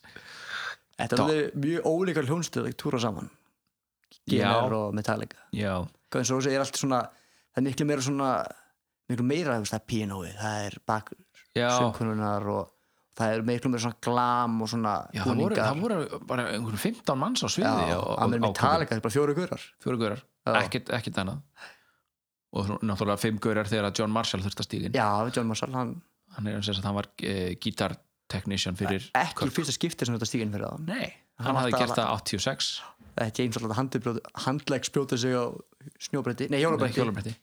og hó- hérna, fyndi, ég, í þessari bókið mitt Ender Night sem ég er búin að tönnast á hérna þar hérna kemur fram að eftir þetta sem þetta síðaskipti, þar sem að John Marshall þurfti að koma inn fyrir hann á gítar þá þurfti James Hetfield að skrifa undir samning að hann færi ekki aftur á hjólabretti því að þeir nefndu þessu ekki þetta var ekki fyrsta og, og ekki Nei, nei. þú veist, annað og ekki þriðaskipti sem þetta kom fyrir að hann nei. þurfti að draga sig út út af hjólabrætta klúður SNL performansi út af þessu Já, Saturday Night Live 8, Já. þeir áttu að koma fram þar var það ekki 85 eða 6 80, jú, 8, ég manna ekki ég manna Nei, ekki nei Cl- Cliff var ennþá í bandinu, veit Nú, ég ok, Ah, hú Úf, nú er ég ekki alveg viss Nei, En nei. mér- Mér minnir að, að En- Cliff ennþá, hafi ennþá verið í bandinu hann datt á hjólabretti og það var ekki hægt Já. Nei, heyrðu, þetta er rétt hjá þér Þetta var eftir Justice, Já. held ég en Já, það var þá sem hann þurfti að skrifa undir þetta já, Þá fekk Electra No já, já, eða eða hvort það var Q-Prime eða eitthvað svoleiðis. en hann var látið að skrifa plagg bara eitthvað ég, James Hetfield, undirritaður mun aldrei stiga á hjólabretti framar tjá, en svo f- fórum við í Don't Tread On Me nákvæmlega lag nummer 6 trottu mér ekki um tær nei Give me liberty or give me death Mhm. Patrick Henry, 23. mars 1775 já, ári áður en or eitthvað death. annað ári, ári áður en eitthvað annað stórmerkilegt gerist já, er sögulegt allavega já ég myndi að segja, þetta lag já. þetta er alltaf með mest amerískasta sem um. við veitum já, þeir eru að byggja rosa mikið á uh, hérna frelsisbarátunni frelsisbaratunni akkurat og hérna, Nýlendunar. já, og hérna Benjamin Franklin sagði mitt út af þessi Gadsden fáni er hann með, með skröltormunum og, Já. og hérna oftast með yfirskriftinni Don't Tread On Me já, þá er verið að tala um skröltormin sjálfan sem myndlíkingu fyrir bandaríkin já, og hérna Benjamin Franklin sagði að skröltorminu væri ágætið samlíking fyrir bandaríkin ekki stíga á mig, því þá být ég já en ef, ef þú lætur mig vera þá být ég örugglega ekki Nei. ekki, það er ekki garðar, Já, já. ég být örugglega ekki hann líka að tala um sko að því að breytar Já. krúnan sendur svo mikið að glæpamönnum til bandarækjana já, Benjamin Franklin sagði eftir gríni eða ekki bara senda hann skröldorma í staðinn já, það já við hefum nóga skröldorma hérna Já, svo En- mikið er víst já, þessi Gadsden fáni Já, hann heiti Kristoffer Gadsden hann var flótafóringi ok minnum mig. og hann hann hann að fána, hann að guðla að fána Já, en Benjamin Franklin hafa með aðra pælingar hafa með hérna, hann, svona, fyrstu svona frelsismyndin eða svona skrýpmyndin eða svona já, var svona var skröldormur í mörstupónum og það stóð join or die já, það ok var þessi málstæðar að fara á stað unum frá frelsi frá krúnunni Ég skilði Þú veist, liberty or death Já, akkurat og þetta er svona kom inn á þetta frelsi svona, sem mm -hmm. Hedvild syngur mikið um Mhm. Já. Af því að hann kemur alltaf úr þessu uppeldi að vera Já. eitthvað þing, við erum svona stíja á hana þegar með ekki tjá sig Já. Kristján Sæjans Akkurat Það er svona, já, forvitnilega þróun að svona, að Puppets hafa svona verið að drotna yfir því já, já, og Justice hafa verið að sporna gegni, svona uppreist gegni já, sem hefur verið að drotna yfir, skilur og og svona fuck the system dæmi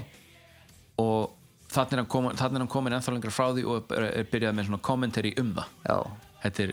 stórmerkilegt enda er þessi sköldormur á coverinu já, hann er það í hægra hóttunni nýri og gætur lögulegt að pat- patanið hei- myndi heita Don't Trey on Me já, en hún heit Metallica já, svo skemmtilegt með hennan fána hann Mhm. Gatstein fáni já, Há- þetta var svona mar margar herlið þá voru svona í með svona hljónsveitir já, og, svona lúrafsettir og trómur með sér allsynningu það eru alltaf með hennan fána Já. og þetta hennar landganguleðinir já, og þetta hennar fána mikið og sem var svona þetta var gott motto þú veist, ekki já ekki tróða mér um tær já, það talu að þau myndu nota hann snák í bara fána sjálfa bandaríkina ha, var það já, á, það, Yngsta hefði, lagið. verið- já, það hefði verið það hefði ekki gefið sér vel held ég Nei, st- st- Star and Stripe er meira svona já, Þau- þetta var svona þetta er sjórengilegt já, svolítið mikið en uh, þarna er, uh, eru þeir félagar í Metallica að fá lánað úr söngleik í annað skipti já, þeir gerðu þetta á Freyda End þá tóku þeir úr hérna Galdrakallum í Oss Jú, akkurat en þetta lag byrjar þú, þú heyrið það ekki strax það kemur da-da-da, bom, bom, da-da-da, bom, bom, og svo allt í einu Da-da-da-da-da-da-da-da. þetta er náttúrulega úr West Side Story Já. hérna heitir Leonard Bernstein heitir America þetta lag heitir einmitt America það eru sem sagt á þessum tíma í söngleiknum þá eru þá er sem sagt fólk uh, sem er ættað frá Puerto Rico já, að í læginu eru þau að rífast um hv- hvort það sé gott eða slæmt eða hvort er betra að ver eða verra eða bara eins að vera í Ameríku eins og að vera í Puerto Rico já, og þá, þau eru svona að takast á þú veist, takast á um það að hérna, já, það er miklu betri vegir í, í hérna í Ameríku, svona, já, en Puerto Rico er samt partur af Ameríku sem er satt já, já,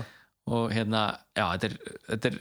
skemmtilegt að þið skilju velja þetta já. þetta, þú veist, þetta passar vel inn í og svo náttúrulega viðlagið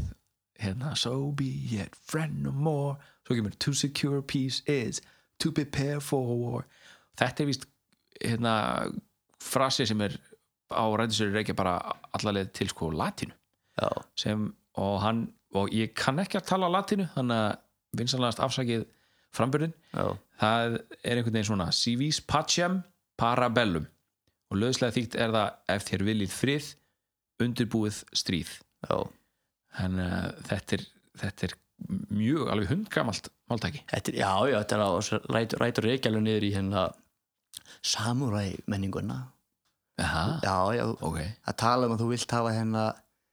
þú vilt hafa stríðsmenn stríðsmann til að vera sinna garðinum tími friðar Já. það var, var eitthvað svona tenging ég man ekki alveg hana nógu vel já,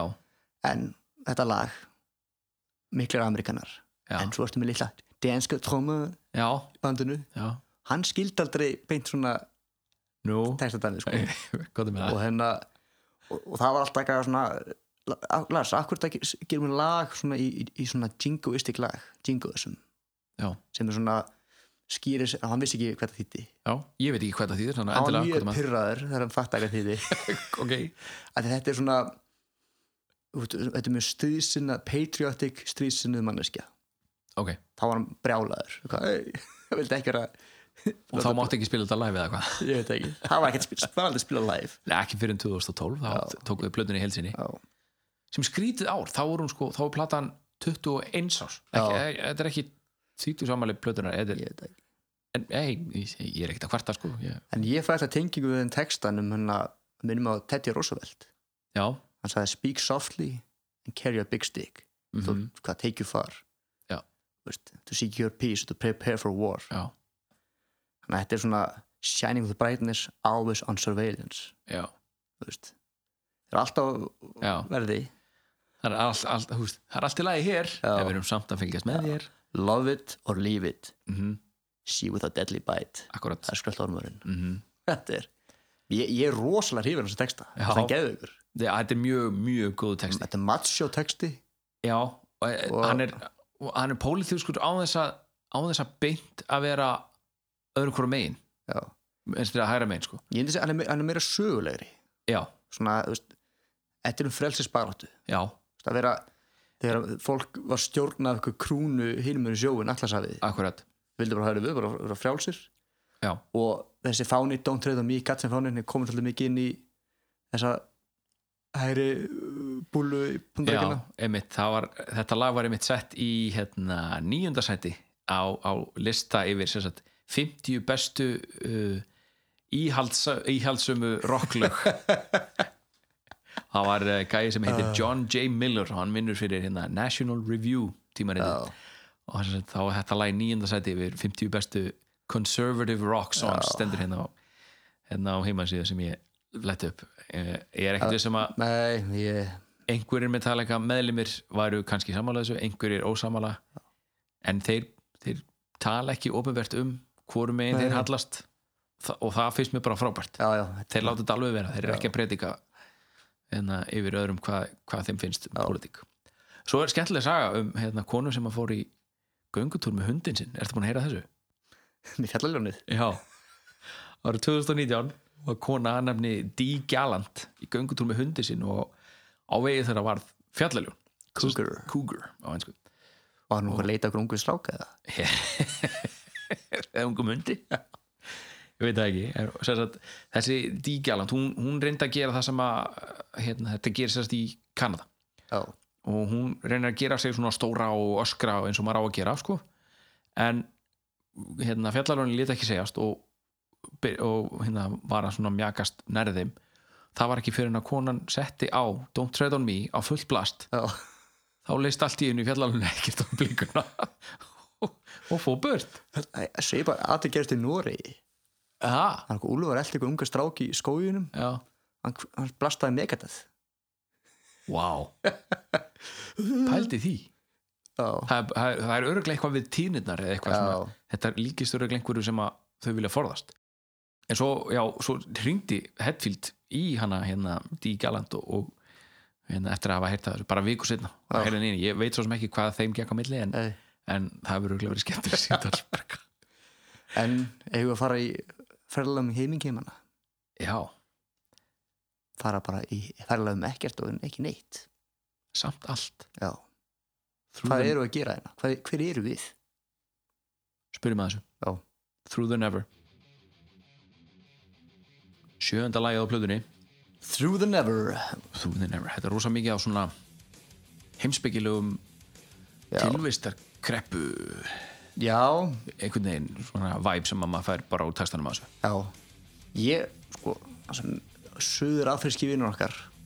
Já, Elon, Elon Musk já, Alltaf með SpaceX programmi sitt og allt það akkurat Ég var til í að þegar að fl- þegar myndu kalla eh, sendiferðina til Mars Through the Never það var ekki ekki Það væri rosalegt þeir náttúrulega kölluðu hérna 2013 hérna svona eh, ég, vil, ég veit ekki hvort það var kallað þetta bíómynd eða svona stuttmynd eða Já. hérna, þeir kölluðu það Through the Never það var Já. svona það var rosa skrítið koncept það var svona Ég sá það aldrei þetta var, þetta var svona gæi sem er að hann er að drífa sig á Metallica tónleika en hann týnir miðanum sínum eða, eitthvað svona, eða finnur miða eða eitthvað og það er svona verið eldan og hann er inn í stórborg en það virðast engin annar verið í þessari stórborg nei, nei, nei, hann er að koma með eitthvað svona, eitthvað svona duffelbag á, á sem að Metallica þurfa til þess að geta að spila sjóið oh, veist, og hann bara finnur þetta út á götu og Var því eitthvað svona heimsendri saman tíma það er í gangi? Eitth- það var eitthvað, eitthvað þannig það var bara, það var valt allt á því að, að hérna, hann myndi koma þessari tösku til skila Já, og, og á, á meðan voru Metallica að spila eitthvað fjandann, þetta, var- þetta var rosa skrítið það, var, það voru heilir tónleikar í gangi og svo eitthvað myndi í gangi þannig að ég, já, akkurat eitthvað list, eitthvað eitthvað listarinn uh, görðingur Já. ég, sk- ég, sk- ég skil hann ekki skal nei, hann skilja. ekki hérna. heldur það kom eitthvað fullt af varningi með þessu þrúðan nefur og já, mér finnst þetta ok, opnunarriffið Ah, mér finnst það ógeðslega flott sko og svo kemur þetta, svo komur trommunar með ok, cool og svo kemur, og svo kemur hérna bassin með og svo kemur annar gítar með og það bara, e, þetta er svo, þeir eru svo duglegir í þessu ásværi plöti að stakka hljóðu svona Já. stækka hljóðu þeim en bara ekki wow, wow, wow, wow, ok, ú, geðveikt allt í hennu kom bara ma, þú veist, massíft sound, bara veggur Já. geðveikt sko alveg sjúkt þetta er, já, það voru- það voru eins og komið experimenta rosa mikið með hljóð og eða kannski, kannski þeir bara, Bob, þetta var eitthvað sem Bob Rock kunni að gera og bæta og, og já, kunni að, sem sagt, kunni að sem sagt, koma öllum hljóðfærunum fyrir Já. þannig að heyrðist alveg nóg í öllum já, já, ekki það að Lars, þú veist, það sést alveg það sem að Lars er að rífast um að fá að, að, að láta hækka í trómunum og Bob, Bob Rock er bara eitthvað nei, ef við hækkum í trómunum þá heyrist ekki í gítarnum já gítarinn er það eina sem er í gangi þarna fyrir auðvitað trámyndar ef við hækkum í þér, þá heyrist ekki í honum við getum ekki gert það og Lars er bara eitthvað, en mér finnst bara og Bob Rock bara fær nóg bara eitthvað nei, við getum það ekki við erum ekki að fara að gera það, ok, skilur þetta og þú veist, það, Flemming Rasmussen hann hefði ekki dyrst að tala svona við þá sko. Æ, hann, neð, hvort hann er að byggja um að láta lækka í gítarunum fyrir hann að hækki sér eitthvað, það var eitthvað þannig sko. hann, vildi, þú veist, hann vildi fá meira, meira Já, já. af sér Já, skilur, já. eins og hann vildi reyna að púla þetta sama shit og að þið gerðu á Justice en já, það sem að Bob Rock var bæði að hann var bæði á tökunum sem sagt að hljóðblanda og Já. pródusera, þá fekk hann sem betur fyrr að hérna ráða meiru en, en Rasmussen hafði fengið já, hann- ég held að við ríkulega hraðir honum Bob held ég Já Hann, hann, var ekki, hann var ekki að fara að leifa þeim að valda yfir sig, sko. Nei. Þó þeir rindar Þeir rindu á öll þorrifin á honum held Já, ég já, þeir, þeir alveg fóru alla leið með að hérna, Já, þetta er ekki að ég hugsa, ég hugsa mötli krú og hin, hinbund hefur erfiðari heldur Metallica Já, Aha. ég hugsa það Já, sko á hérna, öðru, á öðru sér hátt Já, kannski Ég, hérna, Ég held sko því að ma- veist, hann, þeir, þeir voru með sama, sama markmið held ég hann og Já. Bob Rock, að hafa þetta fullkomið Já. hafa þetta bara, búm Já, það, það var miklu meiri kannski listræn það er meiri, meiri, meiri tónlistamenn held ég já, tilfinninguna, þeir eru með höfðu sama markmið, Já. en það er erfiðar að koma staði já Hvað Hann- heitir hérna uh, Söngverinn í Mötli Krú Ég veit að Nicky Six er hérna Bassalegarinn eða, eða gítarleikarinn Já, eitthvað svoleiðis. svo Tommy Lee trommarinn Tommy Lee Trómarinn og eh, Heitir hann- Ég veit heitir hann Brett eitthvað Nei, alls Nei. ekki Hvað, tjúfil, hvað heitir helvítið með Ég veit það ekki. helvítismaðurinn? Ah, skiptir ekki máli, þetta er ekki Mötli Krú podcast Nei. en mér skilst það hérna hvort það var Nicky Six eða einhver annar á Mötli Krú sem að hérna sagði, sem sagt, sagði við uh, Lars og James bara ok, þessi gæi, jú, hann náði geggjöðu sandi á Dóttarfylgutblöðinni en mikið tjöfull var þetta ógeðslega mikið helvíti að gangi gegnum þetta upptökuprósess því að Bob Rock var örgulega bara meiri fullkomna sinni heldur en þeir Já, já, og hann vildi bara, þú veist, til þess að fá sándið þá bara, ur, þá bara varð að, að, þú veist, vinna, að fara í gegnum bara trial and error, skilur já, já til þess, að, til þess að finna nákvæmlega, ok, hvað er það nákvæmlega sem við þurfum að gera til að fá akkurat rétt sánd Já, og það var bara gert eins og sást með hann að helvitis fröðveggin hann í kringum Jason já, hann, hann sló svo fast á stringina að þeir voru að heyra svona smelli alltaf já, og þeir föttu ekki hvað smellinu voru koma fyrir þeir föttu, já ok þannig þeir reistu bara svona fröðvegg fyrir framann Jason bara eitthvað, ok Jason, þetta er tilbúin ah, ok og nú er hann að fara að taka upp, þannig að þeir heyrðu ekki þessa smelli Nei, eins og nei. átt. þannig að þeir gætu hlustað á bara sándið sem var að fara að enda á upptökunni ekki einhverja smelli sem voru bara beint fyrir átt að nei, nei það það var, það var allt, það var allt gert til þess að hérna, fá Einhver- sándið Þetta er Litlu fullkomið. smáötri En það veist, ég hugsa að þessi plata ef hún hefði verið mixuð eins og Justice og alltaf þá hef, hún hefði ekki hún hefði ekki náð neinum vinsældum og, og þessi lög hefði ekki svona haft, inn- haft eins rosaleg áhrif Nei. og þau hefðu öll, öll örgulega verið miklu flóknari eða sem Já. sagt, það hefði verið gert meira úr öllum riffum þau hefði öll riffin og öll, sérstaklega allir trommupartanir hefði Já. ekki verið svona einfaldir hérna, Lars horfði rosalega mikið til tvekja trommuleikara sem að hann hafði gaggrínt áður fyrr á árum áður svo þess að þegar svona Lightning Puppets Justice tímabilinu Já. hafði hann gaggrínt sérstaklega Charlie Watts úr, úr Rolling Stones og Phil Rudd úr ACDC fyrir að gera bara, vera bara úslega einfaldur og spila bara búm, bjá, búm, búm, bap, búm, bap, búm, búm, bap og bara heila tónleika og ekkert Já. gera neitt annað en eftir að hafa þurft að tromma Justice-plötuna live nokkra tugi hérna, nokkra tugi tónleika jafnvel, jafnvel að slefa upp í hundra, ég veit það ekki alveg já, þá, sko, þá var Lars farin að hugsa já, ok þetta er, þetta er eiginlega svona, ég er nú meira þú veist, ég er ekki að ég er ekki að njóta þess að spila á tónleikum, ég er að, að leysa einhverjar starffræði þrjóður í hausnum til þess að trommið akkurat rétt og, og hann, já, hann vildi ekki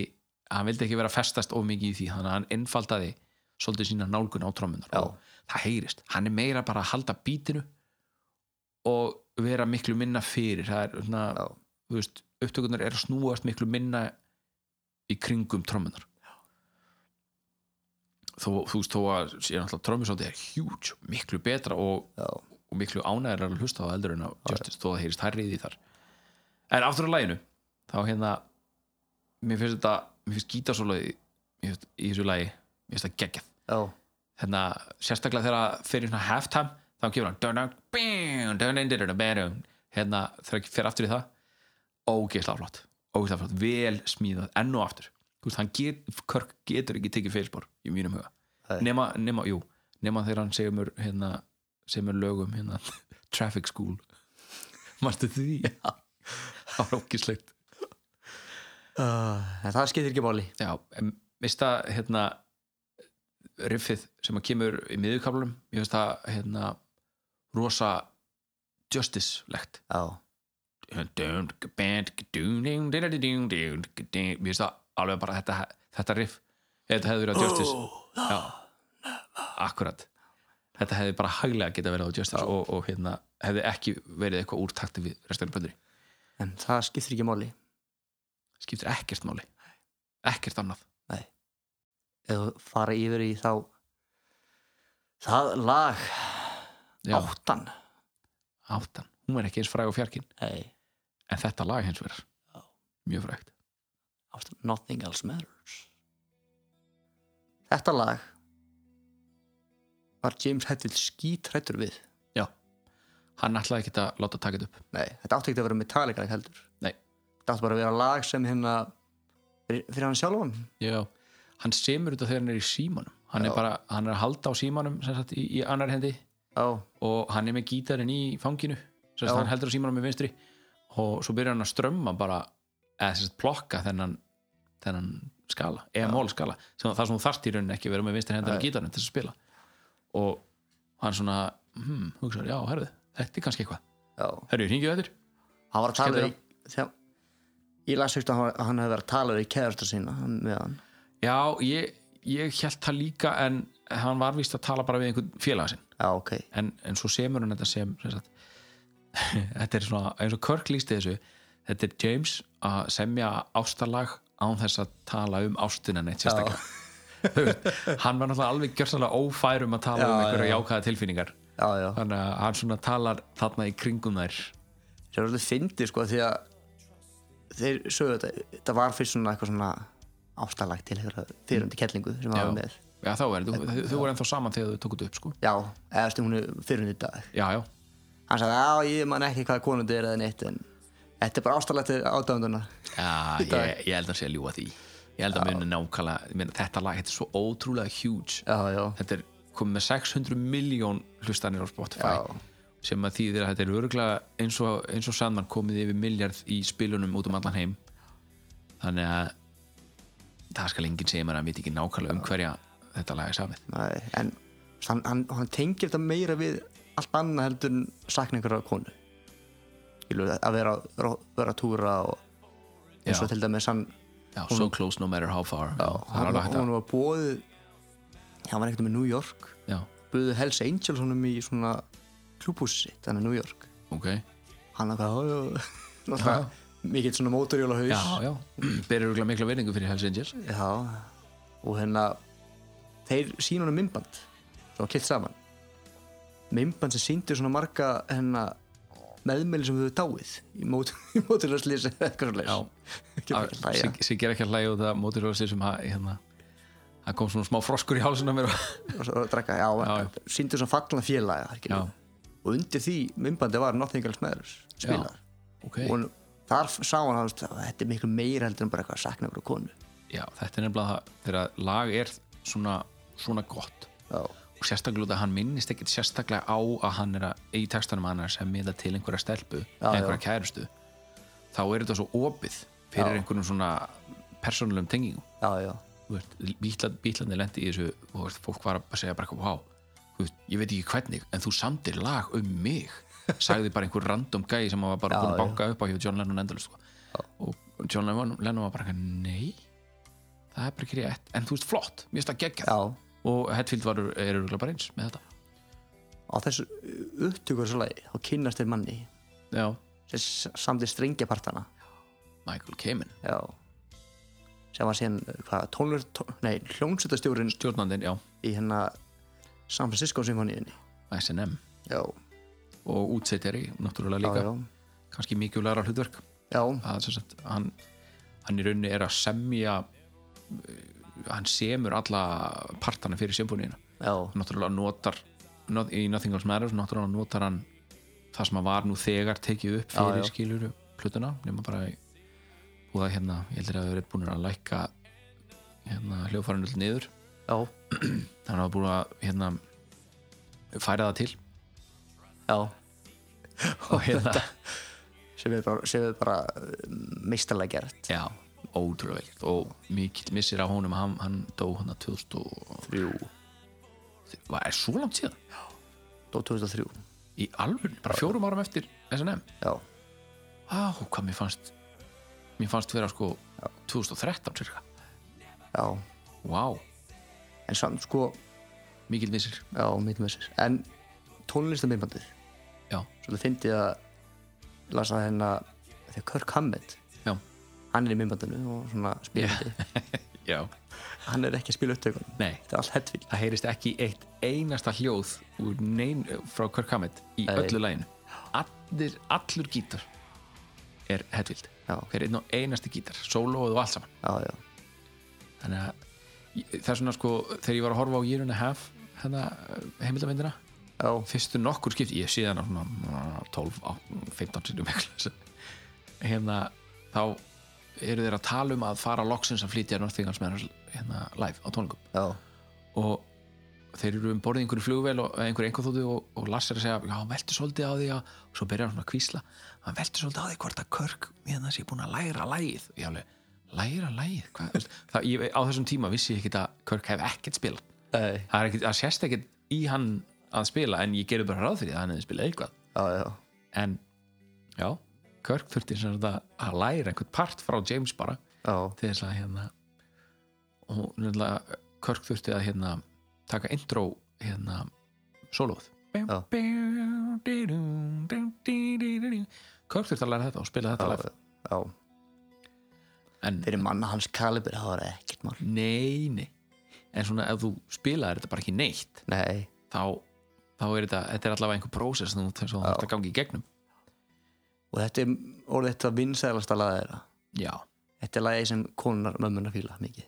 já og svona þeir sem eru kannski ekki alveg í metalnum en, nei, en gefa honum séðan sann rétt í lukki Já. smá, smá, smá power balluðu fílingur hann í lukki ef, ef viltu fá hérna uh, þetta er svona góður svona ég hlusta mér það líka Já. Æ, ég líka hlusta á það, ég líka hlusta á það ah, ah, en ég er með lagið fyrir þig, baby en mymbandi var ekki sínt á MTV að degi til nei, það er út af því að í, í mymbandru mín, mínband, í mínband Já. í myndbandinu, ásækið þar eh, ég er tútur eru tútur, einmitt þar er sjást hérna berbrjóst og konur sem eru voru á plaggatum hann á veggjum og maður að nafni Kip Winger úr hljómsveitinni Winger var þarna á festur og píluspjald og, og Lars var að hérna, kasta pílum í hann já, og þetta er náttúrulega spilað svona í slow motion þar sem hann er að kasta pílunum og eitthvað en, en þegar ég sérst í heimildamindinni þá sérst þar sem hann er að bara henda pílum í hann og það er að segja bara eitthvað, die winger eða die kip eða eitthvað sliðis það var kannski eitthvað góðlöðlegt djók þeirra á milli, ég veit það Já. ekki eða hvort hann líka svona rosalega illa við hann það má vera, ég er ekki viss en uh, Michael Kamen svo sem að útsetti hérna symfóníu sem sagt, symfóníu í partinn Já. fyrir þetta. hann, hann var ekkit hæstánaður þegar hann fikk að heyra þetta hann sagði það bara heyrist eiginlega ekki neitt það sem ég var útsetta, til hvers var ég að gera þetta já, þessu, að já, en býta eh, býta aðeins við erum að fara að gefa út það sem við ætlum að kalla The Elevator Version og Já. hefur þið heyrt það útgáðu nei, og hún er gegg sko. þar er þetta svona meira svona strömma og gítar það er engar trommur og það er engin Eh, Jú, distortion gítar jú, jú, jú, jú, ég heyrti ekki það. neitt og þar er, þú veist, þar er symfóninhljóðastinn hún, hún heyrist allan tíman já, og þú og nefndir að vera enga trommur þá, já, e, ég mæli með að fólk hérna, checka á þessu, þetta er hérna, Nothing Else Matters Elevator Version Já. það er ótrúlega fallegt Já. og það er alveg, það verður alveg sérstaklega svona ljúft intro í, inn í Metallica heiminn ef að eða þið þurfið að planta eitthvað til þess að byrja að hlusta en Ég er ekkert meira að segja um þetta lag Nei, ég bara það, það er náttúrulega búið að eh, reyfa þetta lag öruglega meira en flest önnur Já, en ekki næsta lag Svo sannlega ekki Nei, Of Wolf and Man Já, þetta er eiginlega bara títil sem að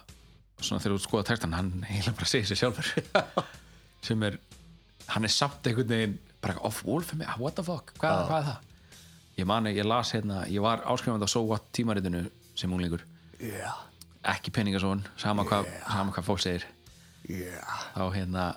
þá var einmitt einhver sem að skrifa þinn um hvað er of Wolfen Man og ég held að James hafi svarað það bara eitthvað hérna, þetta er um einhverja gamla kettlingu og págökuninnar en hérna það er náttúrulega, hann náttúrulega gefur ekki alvöru svör við svona Nei. spurningum, skilur En Bob Rock já,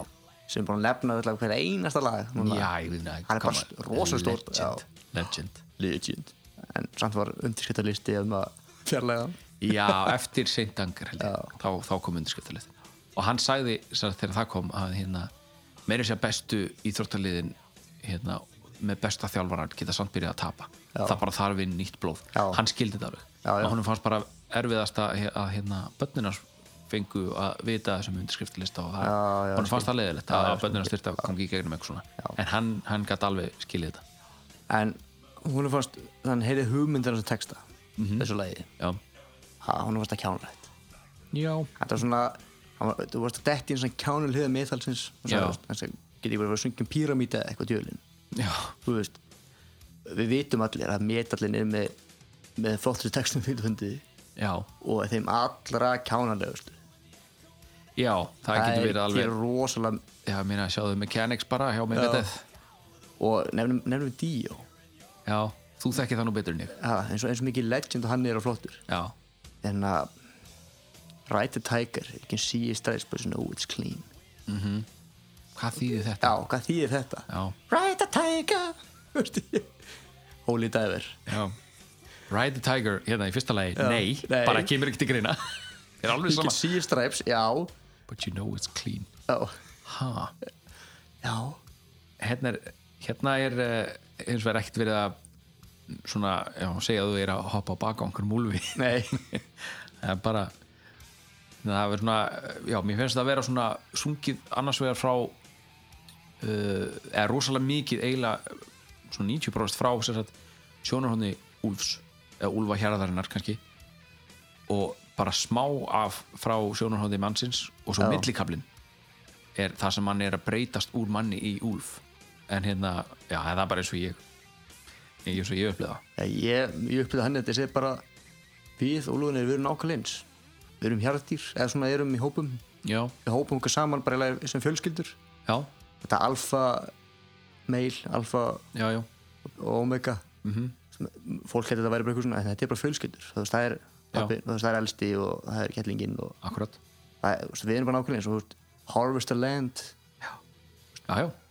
The Taking of the Fallen Lamb líka já, það eða, þú er, veist, þetta er bara sama En sko, en það- já, það- harvest the land, taking of the fallen land já, það, er, en það er Taking of the Fallen Lamb það er, ekki, það er ekki þú sem ert að fella það þú ert að taka það lamb sem er búið að fella það er það sem við gerum, Eða, það, þau okkar sem að borða kjöt þar að segja Já, þetta er að segja sko, þú veist, við erum að borða mat sem aðrir eru búin að sjá um fyrir okkur búin Já. að slátra og að, að því að ég túlka textan að við erum komið svo langt frá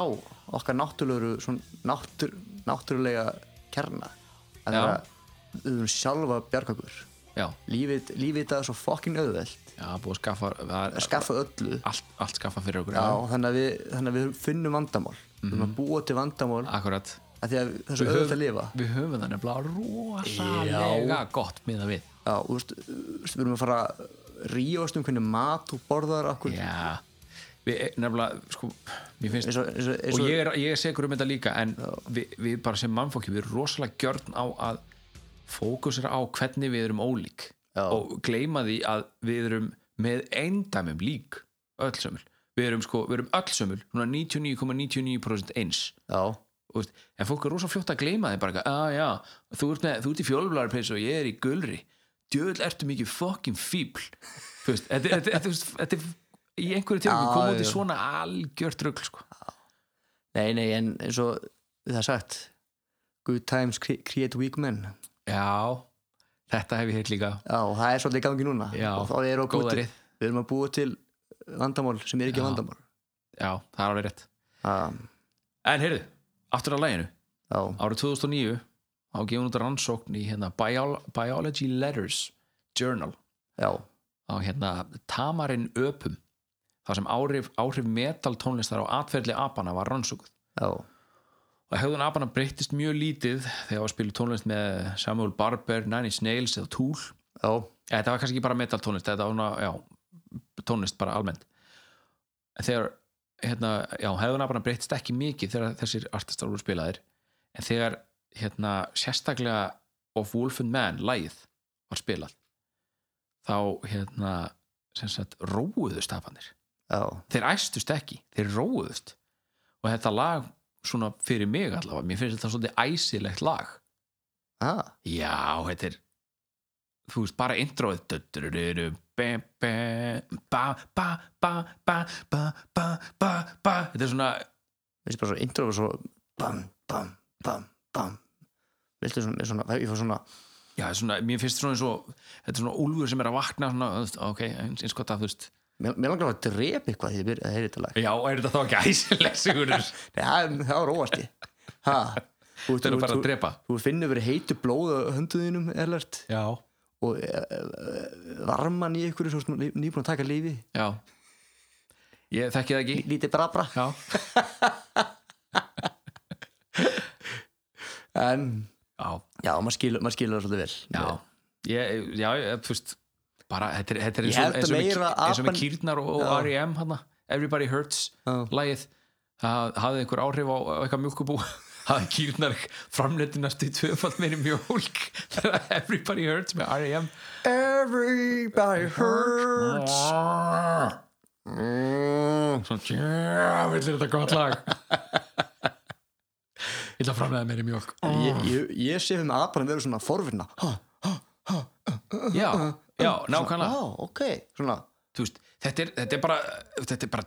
ég ætla ekki að segja típist metallega lag, en þetta er bara svona já, þetta er alveg gjörsan þetta er svo uh, auðþekkjanlegt metallega lag, metallega sound og s- æ- þeirra sound er aggressíft, þannig að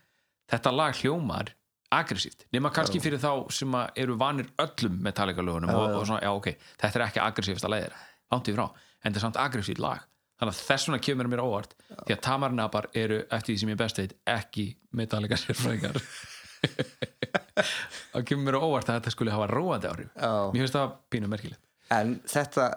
Þú sagðir fyrir hörlustu mittverkamennina já, Þetta lag já, En það er svo alls ekki hannig Því að margir allar hörlustu Já. Þeir ekki svona hötu þessa plötu já, Þeir bara, þeir bara fyrirlátu og fyrir þessa plötu já Af því að Þetta var Margir að vilja segja að Unjustice verið að seinasta metalplatan fyrir, fyrir, fyrir þá Já, senast alvöru metalplatan já. ég, já, já, ég hef heyrt þetta margóft og ég get alveg trúið þegar Unforgiven hérna viðlaði kom What I felt, what I know og þá sögðu bara einhverju, bara, "Ah, ok, stopp tóka Já. sér headphoneuna eða tóku plötuna af fónunum og bara, nei, nei, nú segi ég stopp ég get ekki meir og það var alveg öruglega þannig en þessir nokkur hundruð, jafnvel nokkur þúsund sem þið mistu, Já, jafnaðist ekkert á við þessir nokkur hundruð þúsund sem þið eru hérna, kannski sem þeirra- komu svo inn þeir eru vinir í þjáningu Já, kannski Ha, er hérna það er eitt sem ég langar að koma inn á áður en við förum yfir í næsta lag það er ein lína hann, I hunt, therefore I am þetta er sem sagt útusnúningur á, á hérna á hérna tilvitnuninni I think, therefore I am eða sem sagt á latínu hérna co- cogito ergo sum Nei, það er Godito er þú stum er það? Já, heita ég Þetta er á latínu, þetta er sem sagt René Descartes sagði þetta ég, sagði, e, ég hugsa þar af leiðandi er ég þar af leiðandi er ég til út af ég hugsa og hérna mér finnst það flottur útsningur Já. en e, við erum með að fara yfir í næsta lag Já, það er, það er guðin sem guðin sem mistókst Já, God it failed Já. lag númer 10 Já. Enn og aftur alert Æskan fáið lagum æsku Já, James Allan Hetfield akkurat Það sem kristni Christian Science Já, þessi, þessi tiltekna trú þetta er svona Já. þetta hvað segja, innan kristin trúar sem svona heild þá er þetta sérstaklega tekið fyrir já, hann er sko, ég ætla ekki að segja þessi trúar hann er svona spiritual sko í dag hann spyr, og ég held hann sé í grunninn kristin en ekki, hann er, hann er lungum búin að segja já, skilja já, þetta já, já. menn þetta, þá má segja að þetta dreigir móður hans til döða þegar Já. það er svona nokkuð veginn það var ekki nema bara þegar það var lungu eða þegar það var bara vita að hún væri bara að fara að væri á lokametrunum þá loksins mátti gefinni smá morfín bara svo hún var ekki bara í öngum sínum bara Já, já. að kveljast hérna nóttu nýtan Já, dag við erum búin að kom- við- við erum búin að koma inn á það hvernig þetta virkar það er með ekki þykja læknarast og svona Já. genum haldið í senasta podcasti já. við tölum um dagir síf já, ég held við um talaðum um þetta líka lightning eða puppets sko. já, já, hvað hvað sem því líður þá,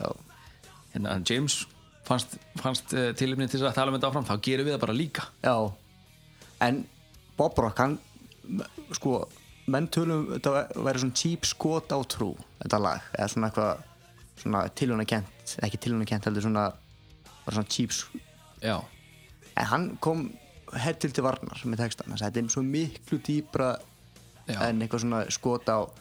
Guð og Já. Mm. kristnakirkju, þetta er bara, þetta er persónlegt og mjög kemur á honum og bara miklu persónlegt já, ég var ekki að segja þetta meira sko Nei, nei, ok Já, en uh, hérna, ef við ræð- ræðum að þess hérna hvernig lagið byrjar Já. Trommur og bassi Þetta eru, þannig erum við konur í hérna ES Við Yes. erum ekki E Við ES eða DIS, það fyrir eftir, þetta er sama tóndönd það fer bara eftir hvort þú ert að hugsa þetta sig út að fara upp frá D eða niður frá E Já, Ég vil frekar hugsa þetta við séum að fara niður frá E því að þeir eru alltaf í E Já. En uh, það, er bara, það er bara ég Þetta er, þetta er rosalega aggressíft ríf, Já. ríf og þetta rýfur aðtíklun á manni og það er, það er meira það er svolítið meira Hetfield, Hetfield eh, hann er ekki bara að spila á gítar í þessu hann spilar á hann spilar á ákveðið vopn er það já, ekki? herðu Kottu með það maður heyrir svona eh, riffli Já, ef, ef ég syng riffið, hvað þú með það sem að riffillin gerir? Því, fjón Já, ef þið heyrðu Sig- Sigga hann að smetla Já. þá er sem sagt James að spila þetta á einhvers konar riffill, hvað þú með það, þú veist allt um þetta er bara griplás riffill grip lás Já. Ok, á ennsku heitir þetta lever action já, og það sem þú hérna svona, flesti þekki úr kúrika og þetta er svona oftast hanna sem cavalry riffill já, svona ryttaraðliðs riff, Já, Eh, þeir- þetta er ekki ryttaraðliðs þeir eru cavalry. stutt, þeir eru stuttir Já, og hérna já, svona riffill ok, Marlin 30-30 ríkilega skemmtileg kalabur, stórt og mikið og jú, jú, það er mjög fínt en því ég sá upptökun að þessu þegar það var að gera þetta já Svo bara, fuck, það er fyrir illa með riffilinn Er, Ah. er, er hann að, er hann að, hérna hann, hann, hann gerði það mjög aggresslega sko. Já, ok, ég skilji til að fá svona hljóð Já. úr riffilinn, þá er hann alveg sko, bara, þarfti ekki að gera þetta sko. Já, hann hefði átt að taka hann hérna, hvað heitir hún, S- S- eh, Sarah Connor hérna úr Terminator þar sem hún pump, eh, með hérna pump action hérna oh. shotgun, hvað er það á íslensku? Ég búin að gleyma því, shotgun Haglabissa. Haglabissa, já, Já. Svona, með svona pump action nema hún, hún, er, hún er eitthvað handlegsbrotin á öðrum þannig að hún er að sko kasta henni svona upp og skilur, hún Já. heldur um sér satt uh, pumpuna sjálfa og sér satt rikkir yfirlunum upp og nær þannig að hlaða aftur og, og er að reyna að skjóta hérna vondagan Já. hérna, þeir eru frekar að nota svoleiðis kannski Þa, hann þóli meiri, það þóli meiri barning heldur en þetta, þetta, þetta griflás, eða hvað ég er bara að gíska sko þetta er alltaf öðruvísi pælingar sko. kem ekki eins samt úr þessu alltaf öðruvísi já, ok, Þú veist, það er me- að me- þetta er meiri, meira efni sem er að reyfast með bumbunni sko. já, en þetta þetta er raunir, raunir verið þetta saman pæling þú ert Já. að hlaða já, já bara, bara, bara, var að setja næsta inn í, inn í tjömberið já. já, þannig að það er ekki bara það er meira kúl over um griflásin já, þegar maður skýt saman hvort það fyrir illa með opnið já, eða ekki ég meni þeir, þeir voru orðnir miljónum mæringa fyrir þessa plötu já, já, sko. þetta er bara spurningar að fá rétt að sándið sko já, Það en er- skemmtilega þess að nota griflásin sko já, mér fannst það líka já, og hérna, það er ein, það er ein lína í textanum í þessu lagi já, sem að mér finnst rosa, hún, hún ristir svo rosalega djúft og bara eiginlega innan merg málsins að sem sagt, það mátti ekki þykja neina hjálp varðandi sem sagt heilsuna já,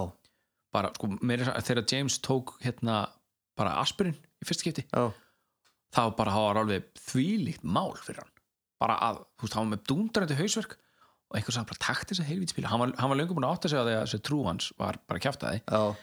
en hann, það var samt, þetta var svo rótgróði í honum að hann átti bátt með að taka bara aspirinpílu sko. hann var bara, eitthvað, ok, hvað er að fara að gerast er ég bara að fara að verða eitthvað eitulega fíkil núna bara um leið, ein hausverkapilla sko. já, en það er ein,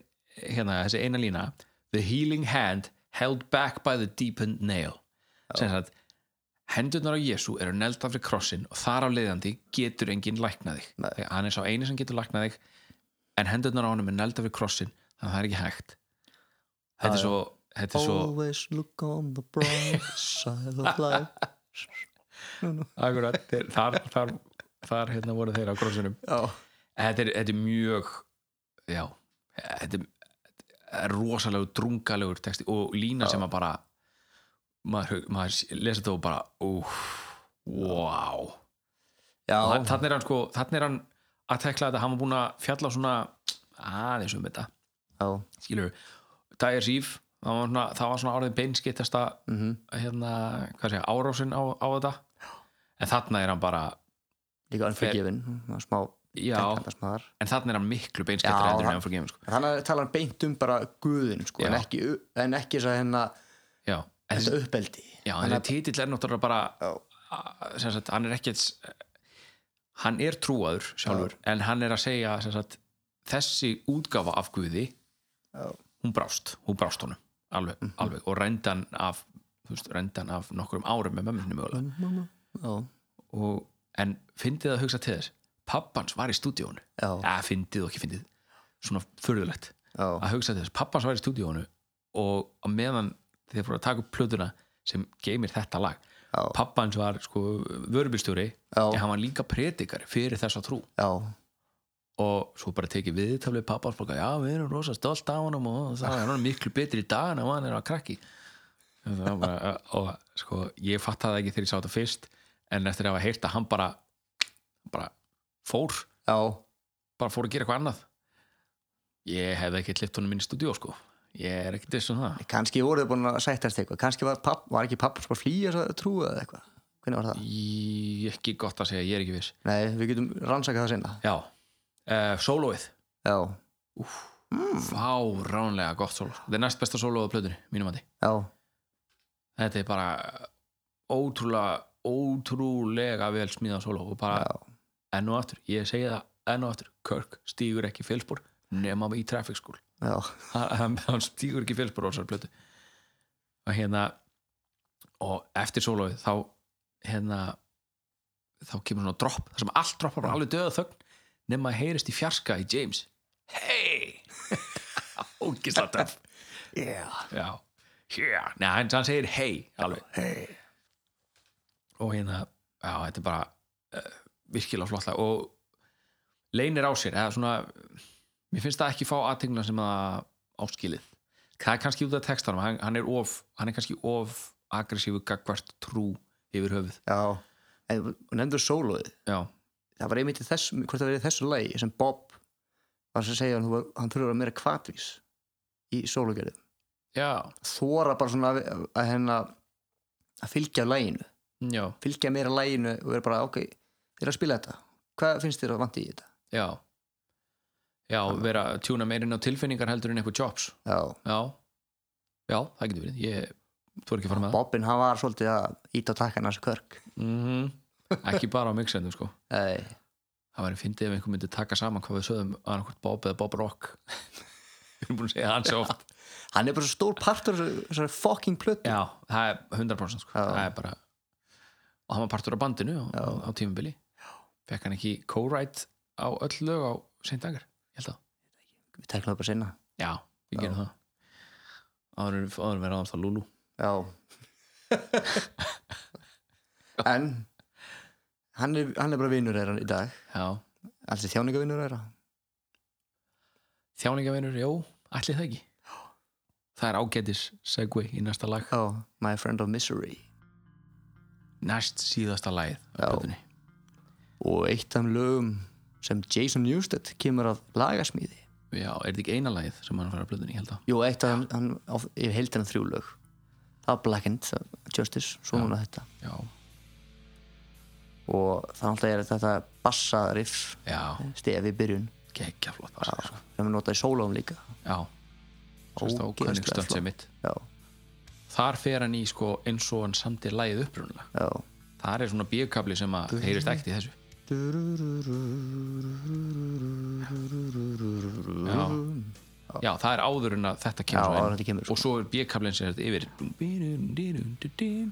þetta átti að vera upplæðið instrum, instrumental lag Já og bara rosalega flott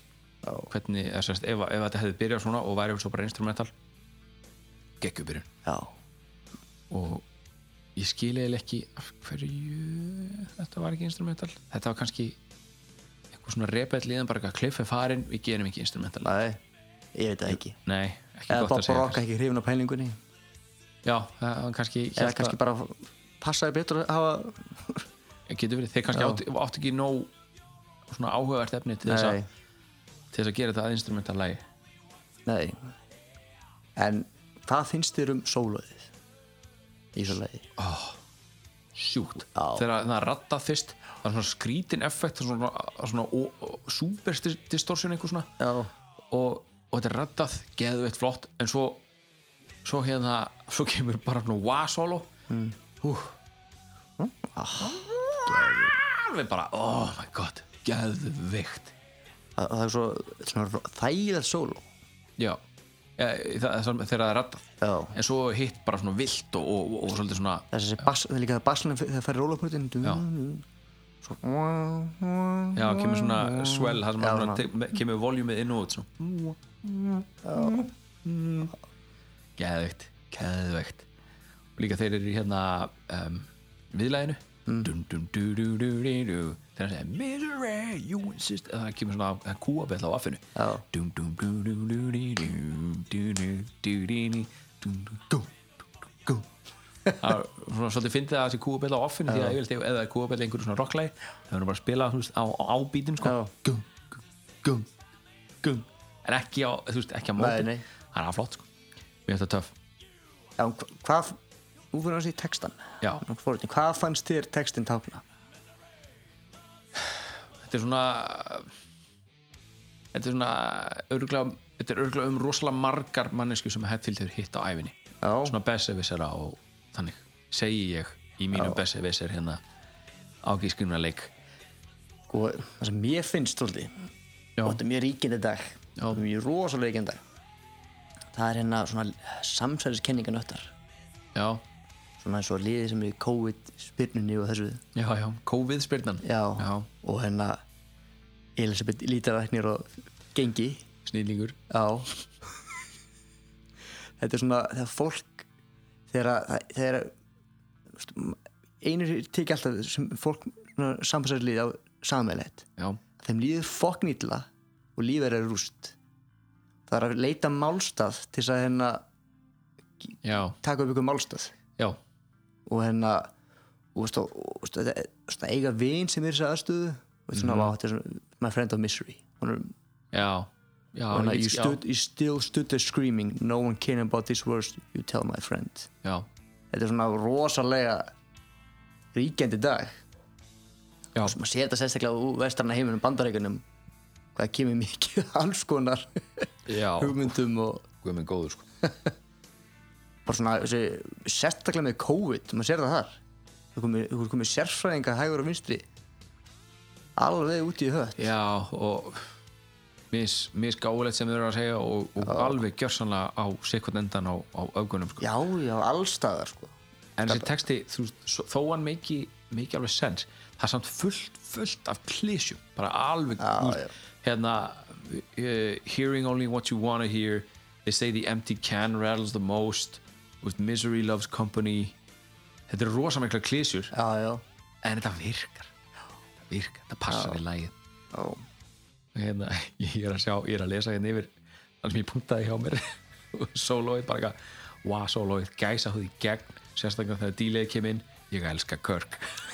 það sem ég með skrifa þetta ah, man. myndur spúna körk já, allan daginn já, ég myndi bara að lifa honum að vera Big Spoon eða Little Spoon, hann myndi vilja vera Little Skeiðin, hann er bara 1.60 og hvað, 7 eða 8 hann og Lars eru þeir eru litli sko ég hugsa að Lars vilji vera stórskið en, hann, en svo þegar Hann hagar sér eins og stóra skið já, en svo hugsa hann svona vilja láta spúna sig Já.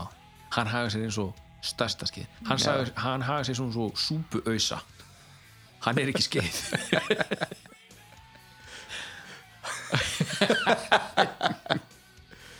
En það er satt svolítið svo, svolítið Þetta er svona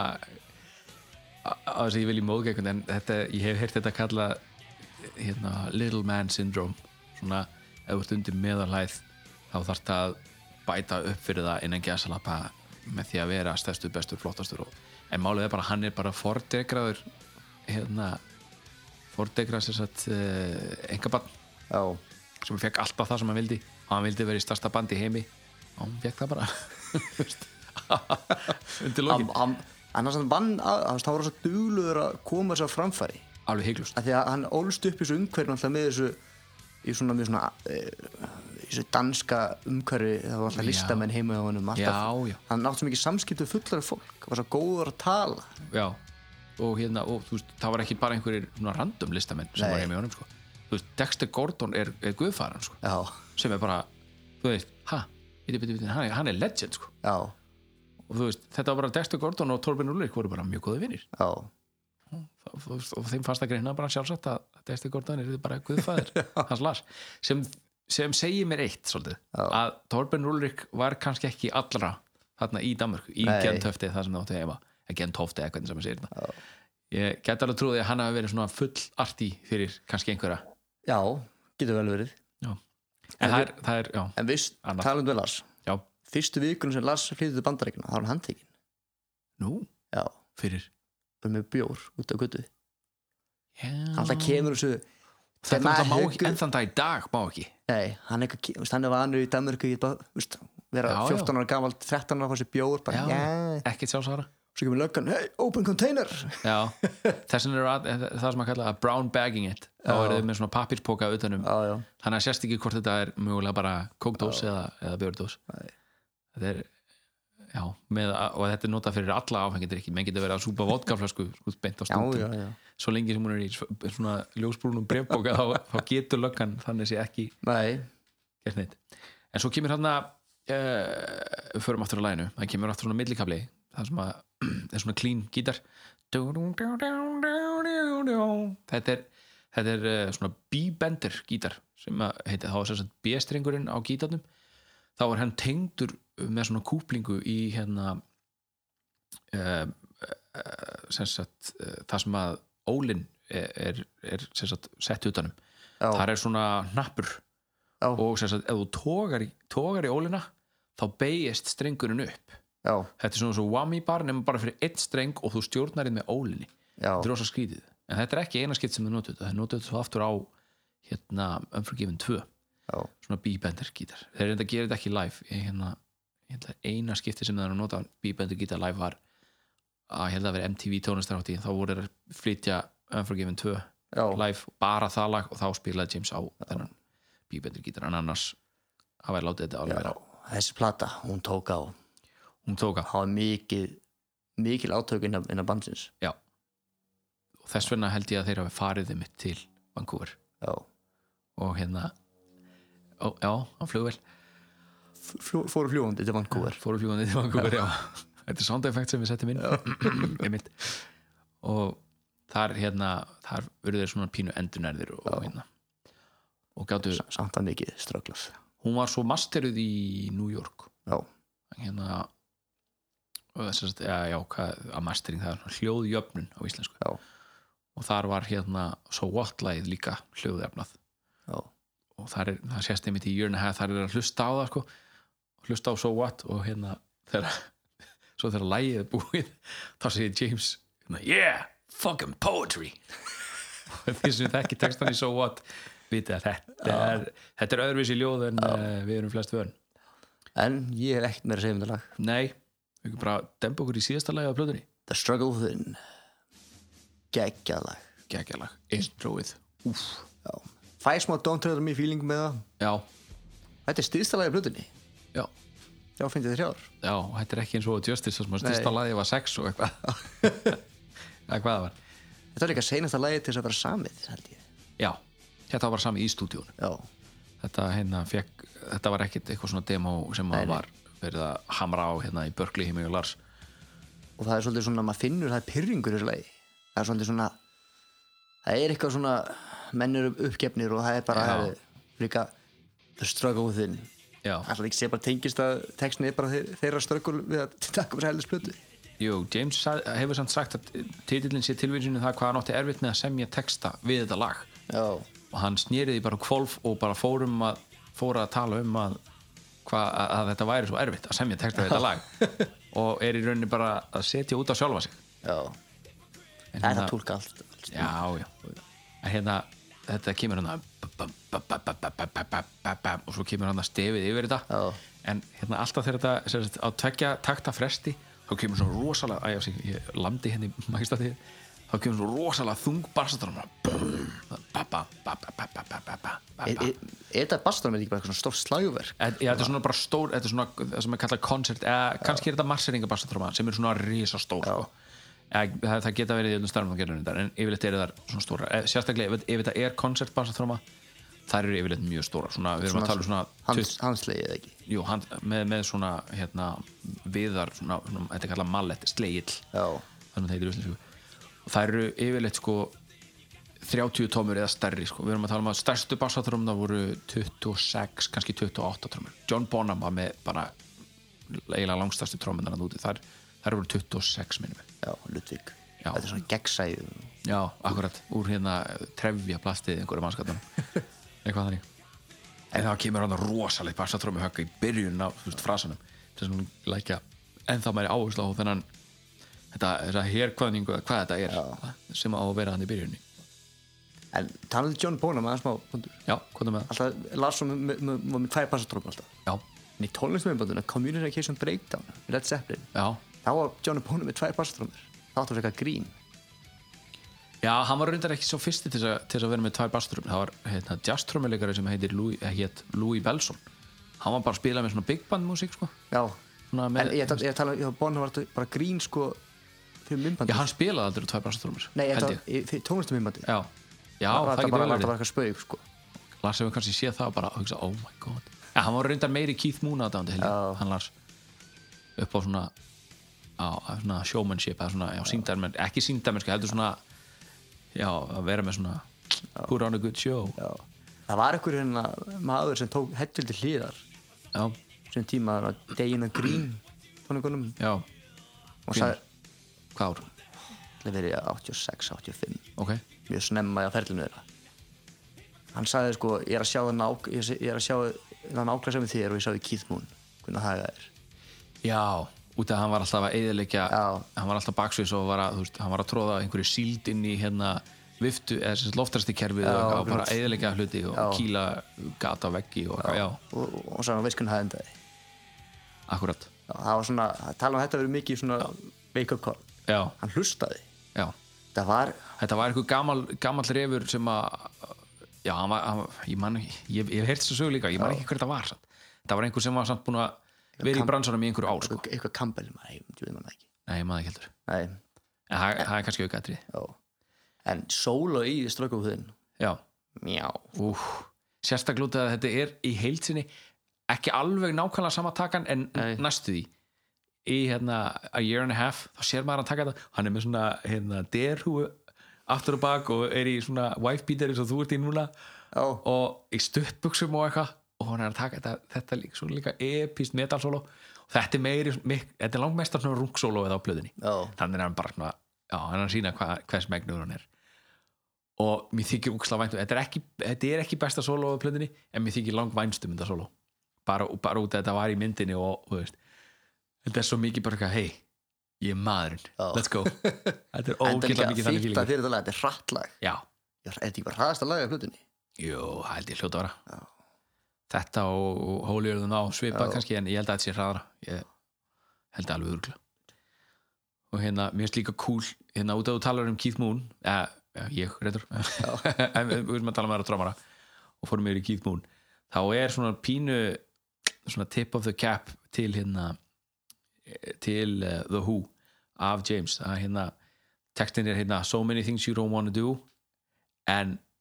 eins og Hetfield segir að hann segir so many things you don't wanna do þetta er ekki slis þetta er verið að mitna í hérna My Generation The people try to put us down það er að menna stama svona viljandi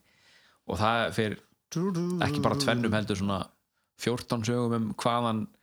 þetta stama á að hafa komið Já. þeir eru að herma eftir einhverjum en hverjum ég, ha- ég fekk það allir á reynd ég reyndar hefði ekki flettið upp eitthvað sérstaklega en ég sá einhverja svona 60 seminda mynd og þar eru að segja já, hérna, hann var að herma til þessum og svo komur einhver annar í viðtal, nei, hann var að herma til þessum já, nei, nei, hann bara skáldaði þetta sjálfur já, nei, nei, já. Þannig, að- en hann, hann er hann að hann tekur þetta hann heitfíld hann, so many things you wanna do What the hell? Já, what the hell Svo ah, Þetta er ógeðslega góð uh, góður endir á plötu en